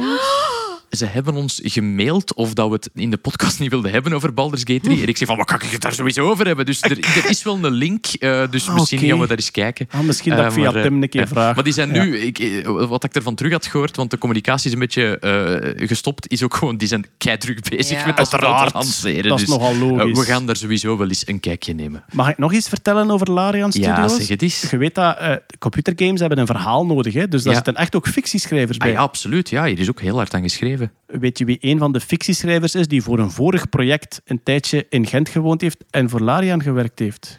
Het gaat een grote naam zijn. Hè? Ja, nee, ja. ja. De dochter van Terry Pratchett. Maar, Ja, Ja. De dus Terry Pratchett, hè, die eh, Discworld schrijft, heerlijke humorboeken over de fantasywereld. Eh, en eh, zijn dochter heeft inderdaad voor, voor Larian eh eh, eh, gameverhalen het is ook echt heel leuk geschreven. Nou, Dus voilà. Een paar keer luid opgelachen. Voilà, dus eh, ehm, echt iets om trots op te zijn in de eh, Vlaamse gamewereld, die trouwens ook heel groot is, hè, met onze opleiding in Kortrijk en eh, al wat je maar wilt. Baldur's Gate 3. Ehm, ik ga het zelf kopen en spelen en zien hoe ver ik geraak. Als je gewoon nieuwsgierig bent, er gaan heel veel, ehm, eh, ja, er gaan heel veel spelvideo's op YouTube staan. al, We gaan dan moeten streamen. Opa speelt Baldur's Gate. Nu wil ik het zien. Lieve speelt Baldur's Gate. En dat is van, "Zeg, het laatste dat ik gespeeld heb was GTA in Topview. Hoe werkt dat hier? Kan ik dat met mijn pijltjes spelen? Lieve verkoopt al zijn kleren en stormt af op een beer. Moet ik hier zo een champignon pakken om groter te worden? Of hoe werkt dat? hè? Dan, dan wil je zeker niet Peter Berks speelt. Oh ja. ja, ja. Oh ja. Hey, Kijk wat one... een mooi beestje. Het die Hellsmortal speelt. Ik ben inderdaad Oké, dat gaan we doen. We Werkt dat op een Gameboy? Drie, da- drie dagen later heeft Team Geriatrie de eerste, de eerste beurt doorstaan. Oké, ik heb nog twee aankondigingen voor de komende maand. Eh, namelijk deze. Eh, het eerste Mathfest in België wordt georganiseerd. We hebben het net al over Ramsey-getallen gehad. Misschien passeren ze daar. Mathfest is een initiatief van Platform Wiskunde. Dat is www.platformwiskunde.be. En op 17 september gaan zij in Brugge een eh, wiskundefeestje organiseren. En de bedoeling is dat je daar gewoon naartoe kan komen, alleen of met het gezin of met vrienden. En daar zal van alles te beleven zijn rond wiskunde. Er zijn sowieso exposities met wat ze wiskunst noemen. Dus mensen die met polygonen of met eh, allerlei 3D-vormen eigenlijk eh, artistieke objecten maken. Er gaan lezingen zijn. Ann Dooms eh, zal daar passeren. David Eelbode zal daar passeren, die ook een heel tof wiskundeboek En je kan daar naartoe alleen of met je imaginaire vrienden. Ah. Hey, En de vraag complex. is- Ja. Hoeveel mensen moeten er naar Madfest komen? Ah, ja. Om zeker te zijn dat er minstens De 20 klik, elkaar ja. kennen of elkaar niet kennen. Dat is eigenlijk de grote vraag. Eh, en ik denk, eh, in, in de mol zaten ook twee wiskundigen hè, dit jaar. Gaat een, wiskunde, een wiskundeleerkracht. Connie. En dan, ja, Connie en, en? En? de anderen. Ja. Die gaan daar ook zijn. Ah ja, ja voilà. Dus Connie en de Met anderen... rekenmachine. Ja, Connie en de anderen die eh, eh, trouwens echt filmpjes gemaakt hebben, wiskundefilmpjes tijdens de mol ook eh, gemaakt hebben. En die gaan daar ook zijn om eh, een demootje te geven. Alles wat je wil weten staat op www.platformwiskunde.be. Daar vind je alle info die je nodig hebt. Wat ik ook nog wil zeggen is dat de Ig Nobelprijzen uitgereikt worden in de komende maand. Dat is eh, de nacht van 14 op 15 september. Ja. Dus 14 september, en meestal is dat vanaf middernacht helaas. eh, Een voor livestream op de Ja. website Het is een Improbable. livestream. Het is niet in het theater. Eh, het is Nee. nog steeds niet in het theater. Ze gaan wachten tot volgend jaar om het opnieuw in het theater te doen. Dus, eh, maar de livestream zal te volgen zijn. En wij kijken uiteraard uit naar de winnaars. En wij gaan daar verslag van uitbrengen. En tijdens de operastukjes gaat het op mute. Ja, tijdens de operastukjes. ja, Allee, zeg. Ja, Ja. het is echt wel veel opera soms hoor. goh, ik, ik ken Mark nu een beetje, hè, de organisator Mark Abrahams. En eh, die is heel trots op die open, want hij schrijft die zelf ook. Hè. Ja, dat... dat eh, Dat is er aan te horen, ja. En die is, eh, die is geweldig trots eh, op zijn operastukjes, dus ik durf hem er nooit op aanspreken om te zeggen van ja, dat is eigenlijk het minst toffe stuk. ik denk, denk dat niemand hem daarop aanspreekt. Nee, voilà. Ja, hoogstwaarschijnlijk zeer weinig mensen. All right. We hebben ook enkele rechtzettingen. Eh, we gaan beginnen met een aanvulling, zal ik zeggen. We hebben het gehad over eh Killian Murphy, die eh, in de film Oppenheimer zo gezegd Nederlands spreekt. En we hebben ons geërgerd over het eh, Duits gewauwel dat daaruit kwam. Eh, wat blijkt, die probeert effectief Nederlands te spreken. Ah. Dus het zijn effectief zinnen Nederlands die die daar aan het vormen is. Iedereen die Nederlands spreekt, die naar de film kijkt, die denkt, wat was dat in godsnaam? Dat is echt, je bent aan het kijken, je bent helemaal mee, je bent echt erin gezogen en dan is het die zo... En dan zeg je... Was moesten die zwaar die nee, Ehm, nee, nee, nee, nee, nee. Wat blijkt, Killian Murphy probeert op dat moment echt Nederlands te spreken. Ja, probeert. ja. Ehm, dus het zijn echt Nederlandse zinnen die hij probeert te vormen. Ehm, het, Maar welke? Ah, wel, daar komt het. Ik tomen. Het Nederlandse YouTube-kanaal Geschiedenislesjes heeft het stuk geïsoleerd waardoor je kan luisteren. En het is iets van als atomen botsen enzovoort. Eh, hier, hier komt het fragment dat je kan vinden op YouTube bij het YouTube-kanaal van Geschiedenislesjes. Bij de botsing tussen een aanverdeeltje en een atoom hangen vormt verschillende energieën de verbindingsopname en de relatieve translatie. Ik Maar hoor dus- verbindingsopname. Ja, ik, Relatieve... Het ding is ook, in die film hebben de mensen die aan het luisteren zijn echt zoiets van... Oh my god, die spreekt Nederlands. Ja, dat is waar. Dat is heel het punt van... Die is hier zes weken en die spreekt perfect Nederlands. De eerste zin die Hardly. uitspreekt, de eerste zin die hij uitspreekt is bij de botsing tussen een alfa-deeltje en een atoom. ja, ja Maar dat wat- hoorde. Eh, op het YouTube-kanaal Geschiedenislesjes heeft hij het geïsoleerd en nog eens vertraagd. En dus de eerste zin, concentreer u, bij de botsing tussen een alfa-deeltje en een atoom ga je het hopelijk wel horen. Daar komt hij nog eens. Ver- vertraagd. De botsing tussen een en een atoom Oh my god, ja. Effectief. Hij Dus- praat gewoon Jawel. te snel Er zit, dan. er zit wel een beetje een Duits accent in, maar het klinkt Maar wel dat nu kan. zo wel. Er zijn Ja, ja, ja. Sorry, ze tuurlijk. hadden het beter laten dubben door AI. Sorry, hè. maar dit Laat is, ons dit is eerlijk zijn. kampcommandant Nederland. Sorry. Maar wat is de hele backstory? Dus hij zegt op dat moment bij de botsing tussen een alfa... Bij de botsing tussen een alfa-deeltje en een Ja, atoom... nu hoor ik het wel. Ja, ja, ja, ja. Maar daarna komen er nog allerlei woorden over energieniveaus die niet bij elkaar passen. Wat blijkt? Christopher Nolan heeft die scène ingekort en heeft gewoon woorden weggeknipt. Ah, die random. wist dat. Zonder, dat hij, zonder dat hij zich aangetrokken heeft wat de Maar hoe zinssamenstelling kunnen ze... was. Allee, als regisseur... Zo maakt hij films. Hè. Heb je de Memento gezien? Ja, maar Nog niet, nee. dat is heel het Botsing punt bij die... deeltje atoom alfa. Nee, maar het ding is wel, films worden geherdubt. Hè. Allee, die worden heringesproken. Ja. Als er wordt... Ah, wel, ehm, Het was niet moeilijk Ik vind het geweest ook wel om een het foutje. Ja, ik vind het ook... nog wat backstory. Nog wat backstory. Ehm, de cinematograaf, hè, dus de, ik denk de, de director of photography de- van deze film, is, een een Nederlander. Nederlander. Ja, is ja, ja. Hoyte van Hoytema, die ook Interstellar gedaan heeft, denk ik. En hij heeft de tekst ingesproken op de telefoon van Killian Murphy. Dus hij heeft gezegd van kijk, dit zijn de zinnen. Dus waarschijnlijk zei, zei hij dan echt in het Nederlands bij de botsing tussen een alfa-deeltje en een atoom. Bij Murphy is dat dan bij de botsing tussen... Goed, zwart. Ehm, dus hij heeft dat ingesproken. Daarna is dat er op die manier uitgekomen. Is dat nog verknipt geworden door Nolan in de montage, waardoor het er onherkenbaar uitkomt. Ik vind het persoonlijk ook... Enfin, we hebben nu een paar keer deze podcast gejuicht van zien wij Vlamingen bestaan. Dit is toch het bewijs dat ze bij Hollywood denken voor die paar miljoen Nederlandstaligen gaan wij ons hand niet omdraaien. Ja. Sorry, Alleen- Als je een paar miljoenen kunt steken in een nieuwe IMAX-film, dan kun je een Ja. dubber betalen. Echt? ook, Dat vond ik, dat Waar, vond ik jongen. ook. Dat, Maar ja. wat blijkt, de Duitsers zijn ook gechoqueerd. Ah ja, Omdat de Duitsers tuurlijk. denken van wij horen iets dat op ons taal Er trekt. zijn- en er het is lijkt natuurlijk nog wel wat, wat andere dingen in die film waar dat de Duitsers die, die, waren, die waren al een beetje op hun... eh, Ja, voilà. Die had maar wat lange tenen intussen. Die vonden het al niet echt veel goed. eh. Dit is de druppel van de Emma. Is. Eh, nu, waar, dat ik aan, waar dat ik ook aan dacht, los van het feit, je kunt een film dubben, je kunt vandaag de dag heel gemakkelijk Killian Murphy zijn stemgeluid in een AI Ja, trainen. dat zei je net. Ja. Ja, Ja. maar dat is toch nog niet te laat? Christopher Nolan is daar tegen. Hè. Hij wil geen visuele effecten. Ik denk dat je bij Christopher Nolan niet met Ja, AI-acteurs moet beginnen. En heel die, heel die staking in Hollywood die gaat daar ook een beetje Oké. over. hè. Dus je moet dat wel... Ik denk nu wel dat je als filmmaker op dit moment een klein beetje voorzichtig moet zijn. Er zijn twee mogelijkheden. Ofwel laten we een AI, een AI Killian Murphy zijn stem imiteren en dat in juist Nederlands uitspreken. En vragen we aan Christopher, zet dan een keer juist op de dvd en de streaming. Hè. Maak een keer een, een, ehm, een opgekuiste versie daarvan. Ofwel vragen we aan Goga Baul om Killian Murphy zijn stem te imiteren. En dat het dus dit is een soort eh, een soort oproep. En goed, we worden ook in...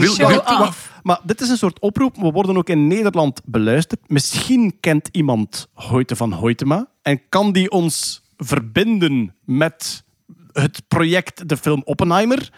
En kunnen we dit nog rechtzetten? Dit historische feit, dit historische onrecht ten opzichte van de Vlamingen. Het grootste sinds Wereldoorlog 1, kan ik Ne- zeggen. Nederlanders, Nederlanders. Eh, Vlamingen en Nederlanders, ja.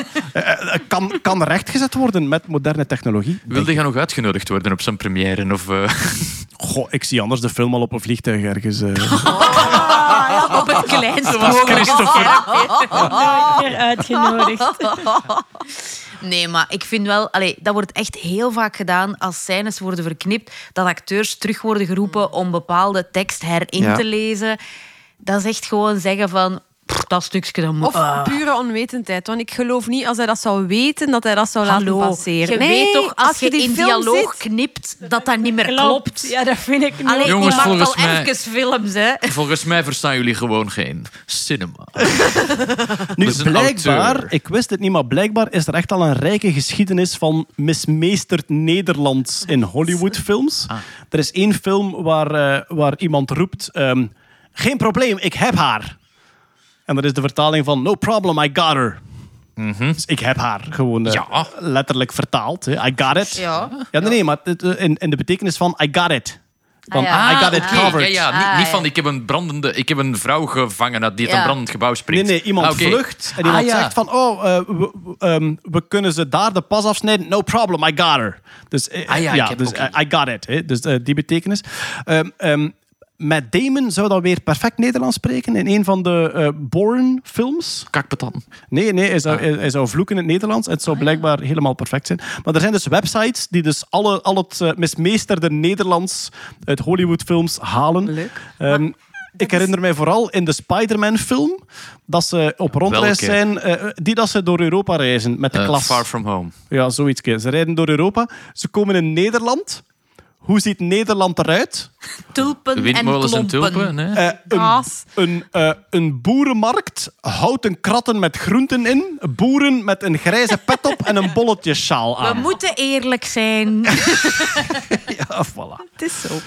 Oké, maar dus Killian Murphy probeert wel degelijk Nederlands Maar te spreken in de Hollywoodfilm. Allee, als er nu, ik zeg maar iets, een Schots, een Iers, een Australisch personage in een, in een Amerikaanse film zit, die zouden nooit, Uiteraard. nooit dulden dat daar een minder dan perfect accent in zit. Ja, klopt. Dat is zo. Eh, Maar in een volledig taalgebied, dat is verwaarloosbaar. Els, we zijn de hobbits van Europa. Eh, we, we doen er niet echt toe, maar ik vind het en de. Pennsylvania Dutch dan? Ja, voilà. We zijn, eh, we zijn ongevaarlijk. En dat is eh, evengoed een luxe als een probleem. Goed, er is nog een rechtzetting die ik dringend recht moet zetten. En heel recht, want ik denk dat Jeroen plat gemaild is de voorbije maand. Het ging Ik heb over de, uiteindelijk gewoon teruggemaild. Ik weet het, ik ga hem kletsen geven.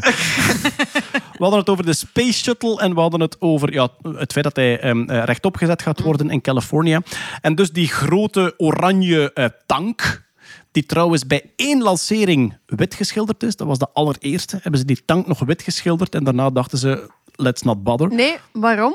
Waarom hebben ze hem niet meer geschilderd?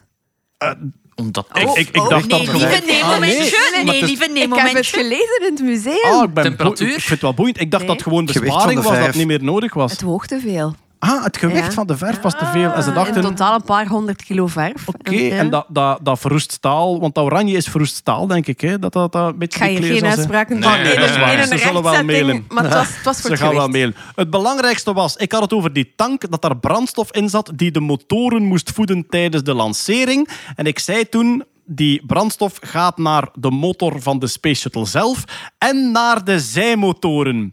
En wat blijkt, eh, tot bij scha en schande, die zijmotoren krijgen helemaal geen brandstof van de centrale tank. Maar Die tank, Dan Ja. is zo...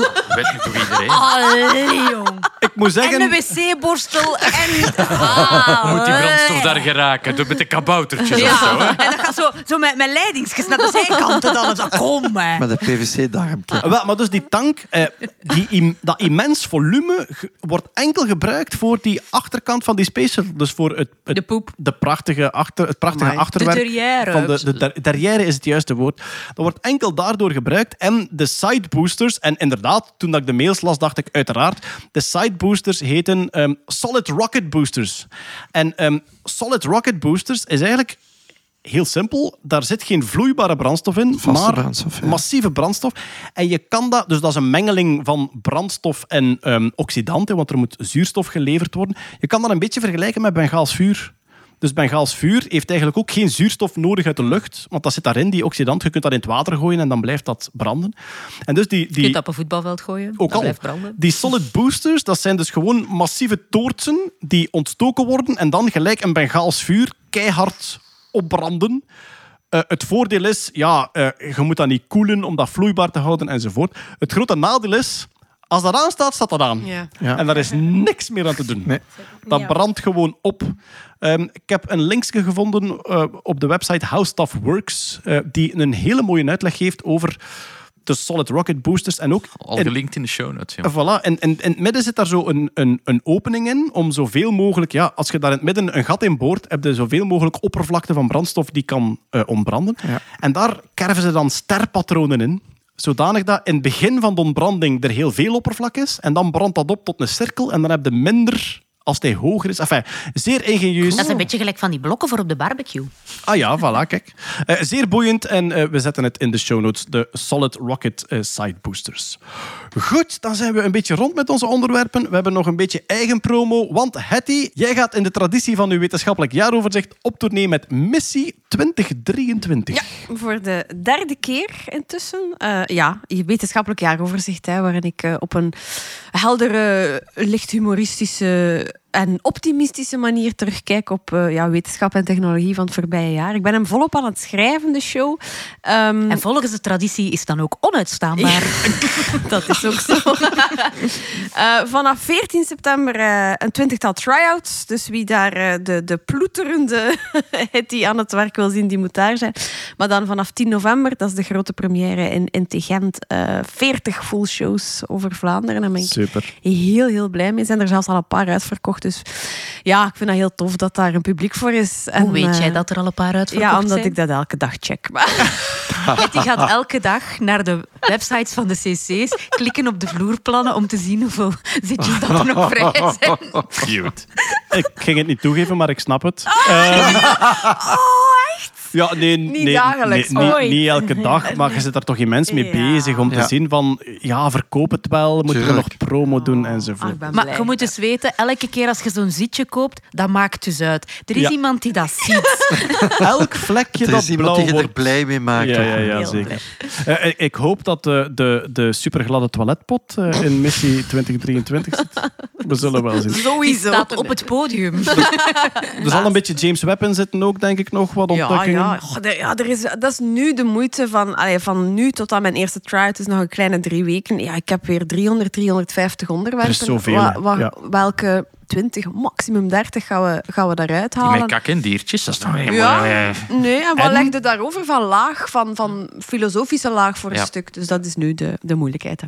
Filosofische laag kan ik al mee helpen. Ja. Als je heel goed luistert. ik wist het. Ik dacht, gaat we nog eens doen. Maar kijk, dus eh, het leukste wetenschappelijke jaaroverzicht dat je sowieso kan vinden in Vlaanderen zal in de theaters zijn. Alle info op hettyhelsmortel.be. Jazeker. En ook op nerdland.be. Daar zal zeker ook een linkje staan.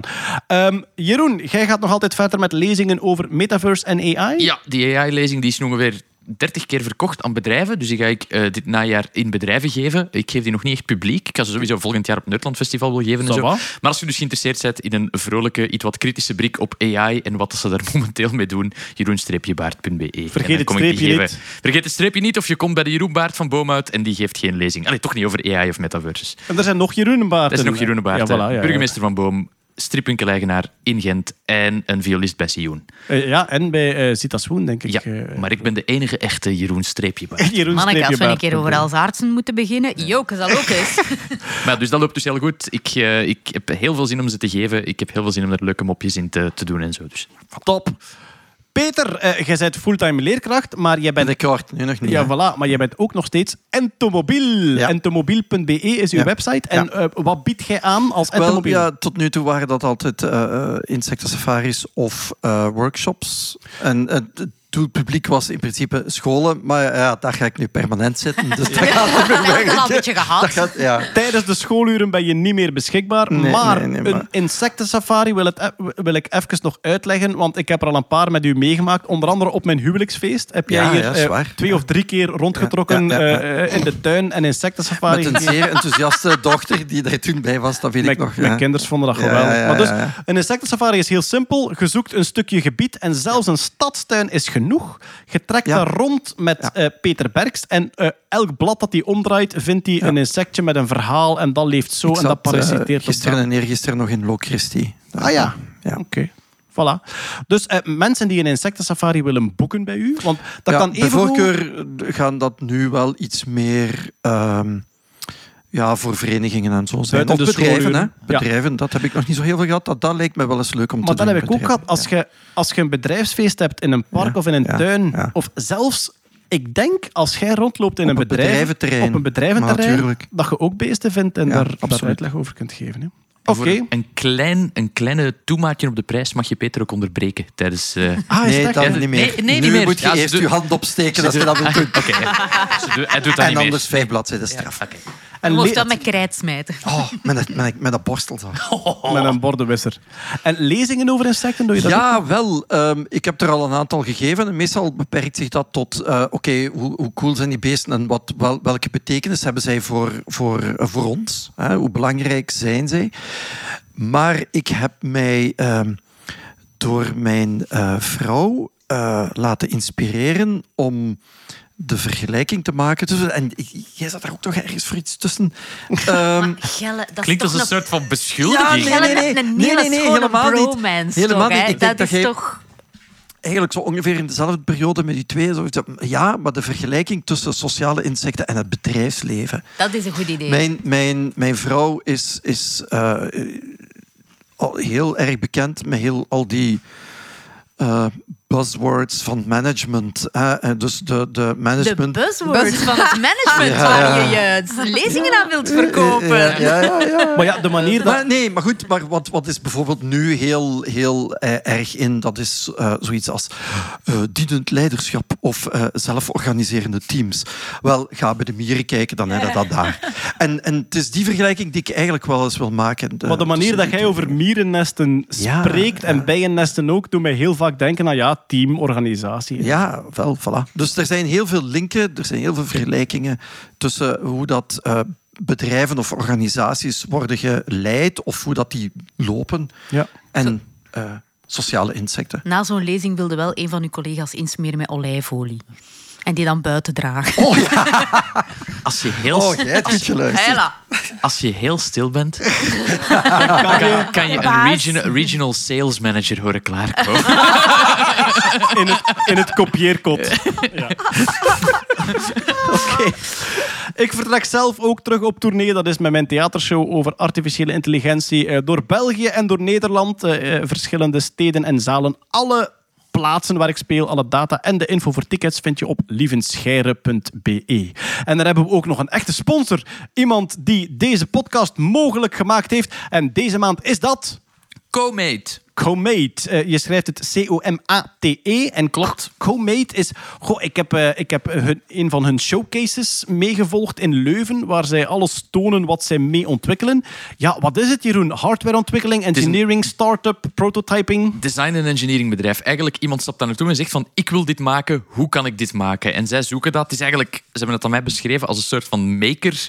eh, ja, heel professioneel. Een, een makerbedrijf dat eigenlijk eh, ja, een hele hoop slimme koppen, ingenieurs, fysici, eh, aangeworpen heeft om een bepaald product van begin tot eind te ontwerpen, eh, te kijken welke materialen dat je ervoor kan gebruiken, te testen.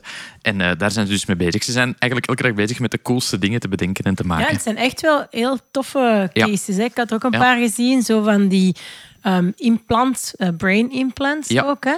En dan zo een microbrewery systeem dat op een paar minuten verschillende soorten bier kan brouwen, of een paar seconden zelfs. Oké. een lab-on-chip toestel om eh, bloed te analyseren. Zit Dat er heb ik ook gezien. tussen. Ja. Want ik ben, ik ben in Leuven langs geweest. Dus ja, eh, zij, zij werken heel veel samen met mensen, ook bedrijven, met een idee van dit soort apparaat denken we dat heel nuttig zou zijn, maar hoe ontwikkelen we dat? Oh, wat een coole job, jongen. En- maar ja, het is dan iets ja, anders. ja. Maar het is effectief Professionele maker. Ja. makerspace, maar dan op industrieel en economisch Ja. valabel niveau. En dingen die ik daar gezien heb, die Lab on the Chip eh, stond daar, staan daar ook onder andere samengewerkt met een zonnepaneel dat probeert Ja, om waterstof, waterstof, te ja. Produceren, maar dan zuiver uit de zonne-energie. Dus iets dat je standalone in de woestijn zou kunnen zetten met een watertoevoer en waar dat dan eh, Daar is, water... daar is toch ooit zoiets van de, van de dat hebben we dan een keer op de podcast gedaan. Wel, maar het zou kunnen dat Ja, zij- dat, dat- dat dat zij zij dat nu zijn, misschien ja. helemaal uit, uitbouwen dan. En dan ook hele, hele specifieke toepassingen, zoals ja, motoren en glijdende systemen met een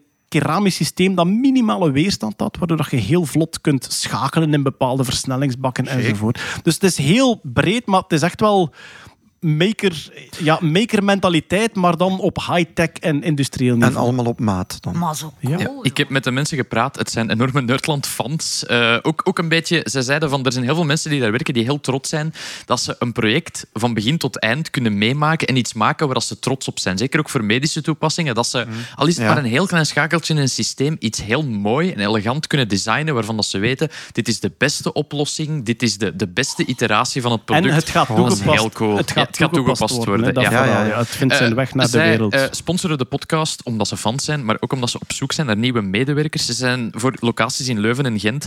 Ze gaan stilaan richting de 100 mensen in het team en eh, willen uitbreiden. En ze zijn volop op zoek naar elektronici, softwareontwikkelaars, productdesigners, business developers. Ze groeien echt op alle fronten. Dus je moet niet echt een pure ingenieur zijn om daar aan de slag te gaan. Er is eh, veel meer fun daar te doen. Ehm, ja, eh, de naam bij het grote publiek is misschien niet zo bekend, maar ze zijn echt wel een grote speler eh, binnen het wereldje. En ja, ze, ik, ik, het, eh, de- de, het ehm, enthousiasme werkte heel aanstekelijk toen ik met die mensen gebabbeld heb. Ze hebben een eh, landingspage voor de Nerdlanders. Als je daar eens wilt gaan kijken en je komt via de Nerdland website, kan je naar, via de Nerdland podcast en onze show notes natuurlijk, kan je naar comate.be slash nerdland gaan. En daar hebben ze onboarding voor alle enthousiaste nerds die daar eens willen kijken. En Comate is C-O-M-A-T-E. Ja, klopt. com- Comate.be slash nerdland. Daar vind je alle informatie. Voor als je wil werken in een soort eh, eh, makerspace met, alle, met allerlei Ze toptechnologie. zeggen het zelf, als je een passie voor innovatie, innovatie hebt en een drive om straffe producten te ontwikkelen, dan moet je een co-mate worden. Voilà. Toppie. Daarmee zijn we helemaal klaar voor deze maand. Ik dank jullie allemaal om te luisteren tot hier. En ik dank natuurlijk Marianne Verhel, Tot gauw. Jeroen Baar, Peter Berks, Dag. Els Aert Bikes. en Hetty Helsmoortel. Met veel plezier. Graag tot de volgende keer. Dag.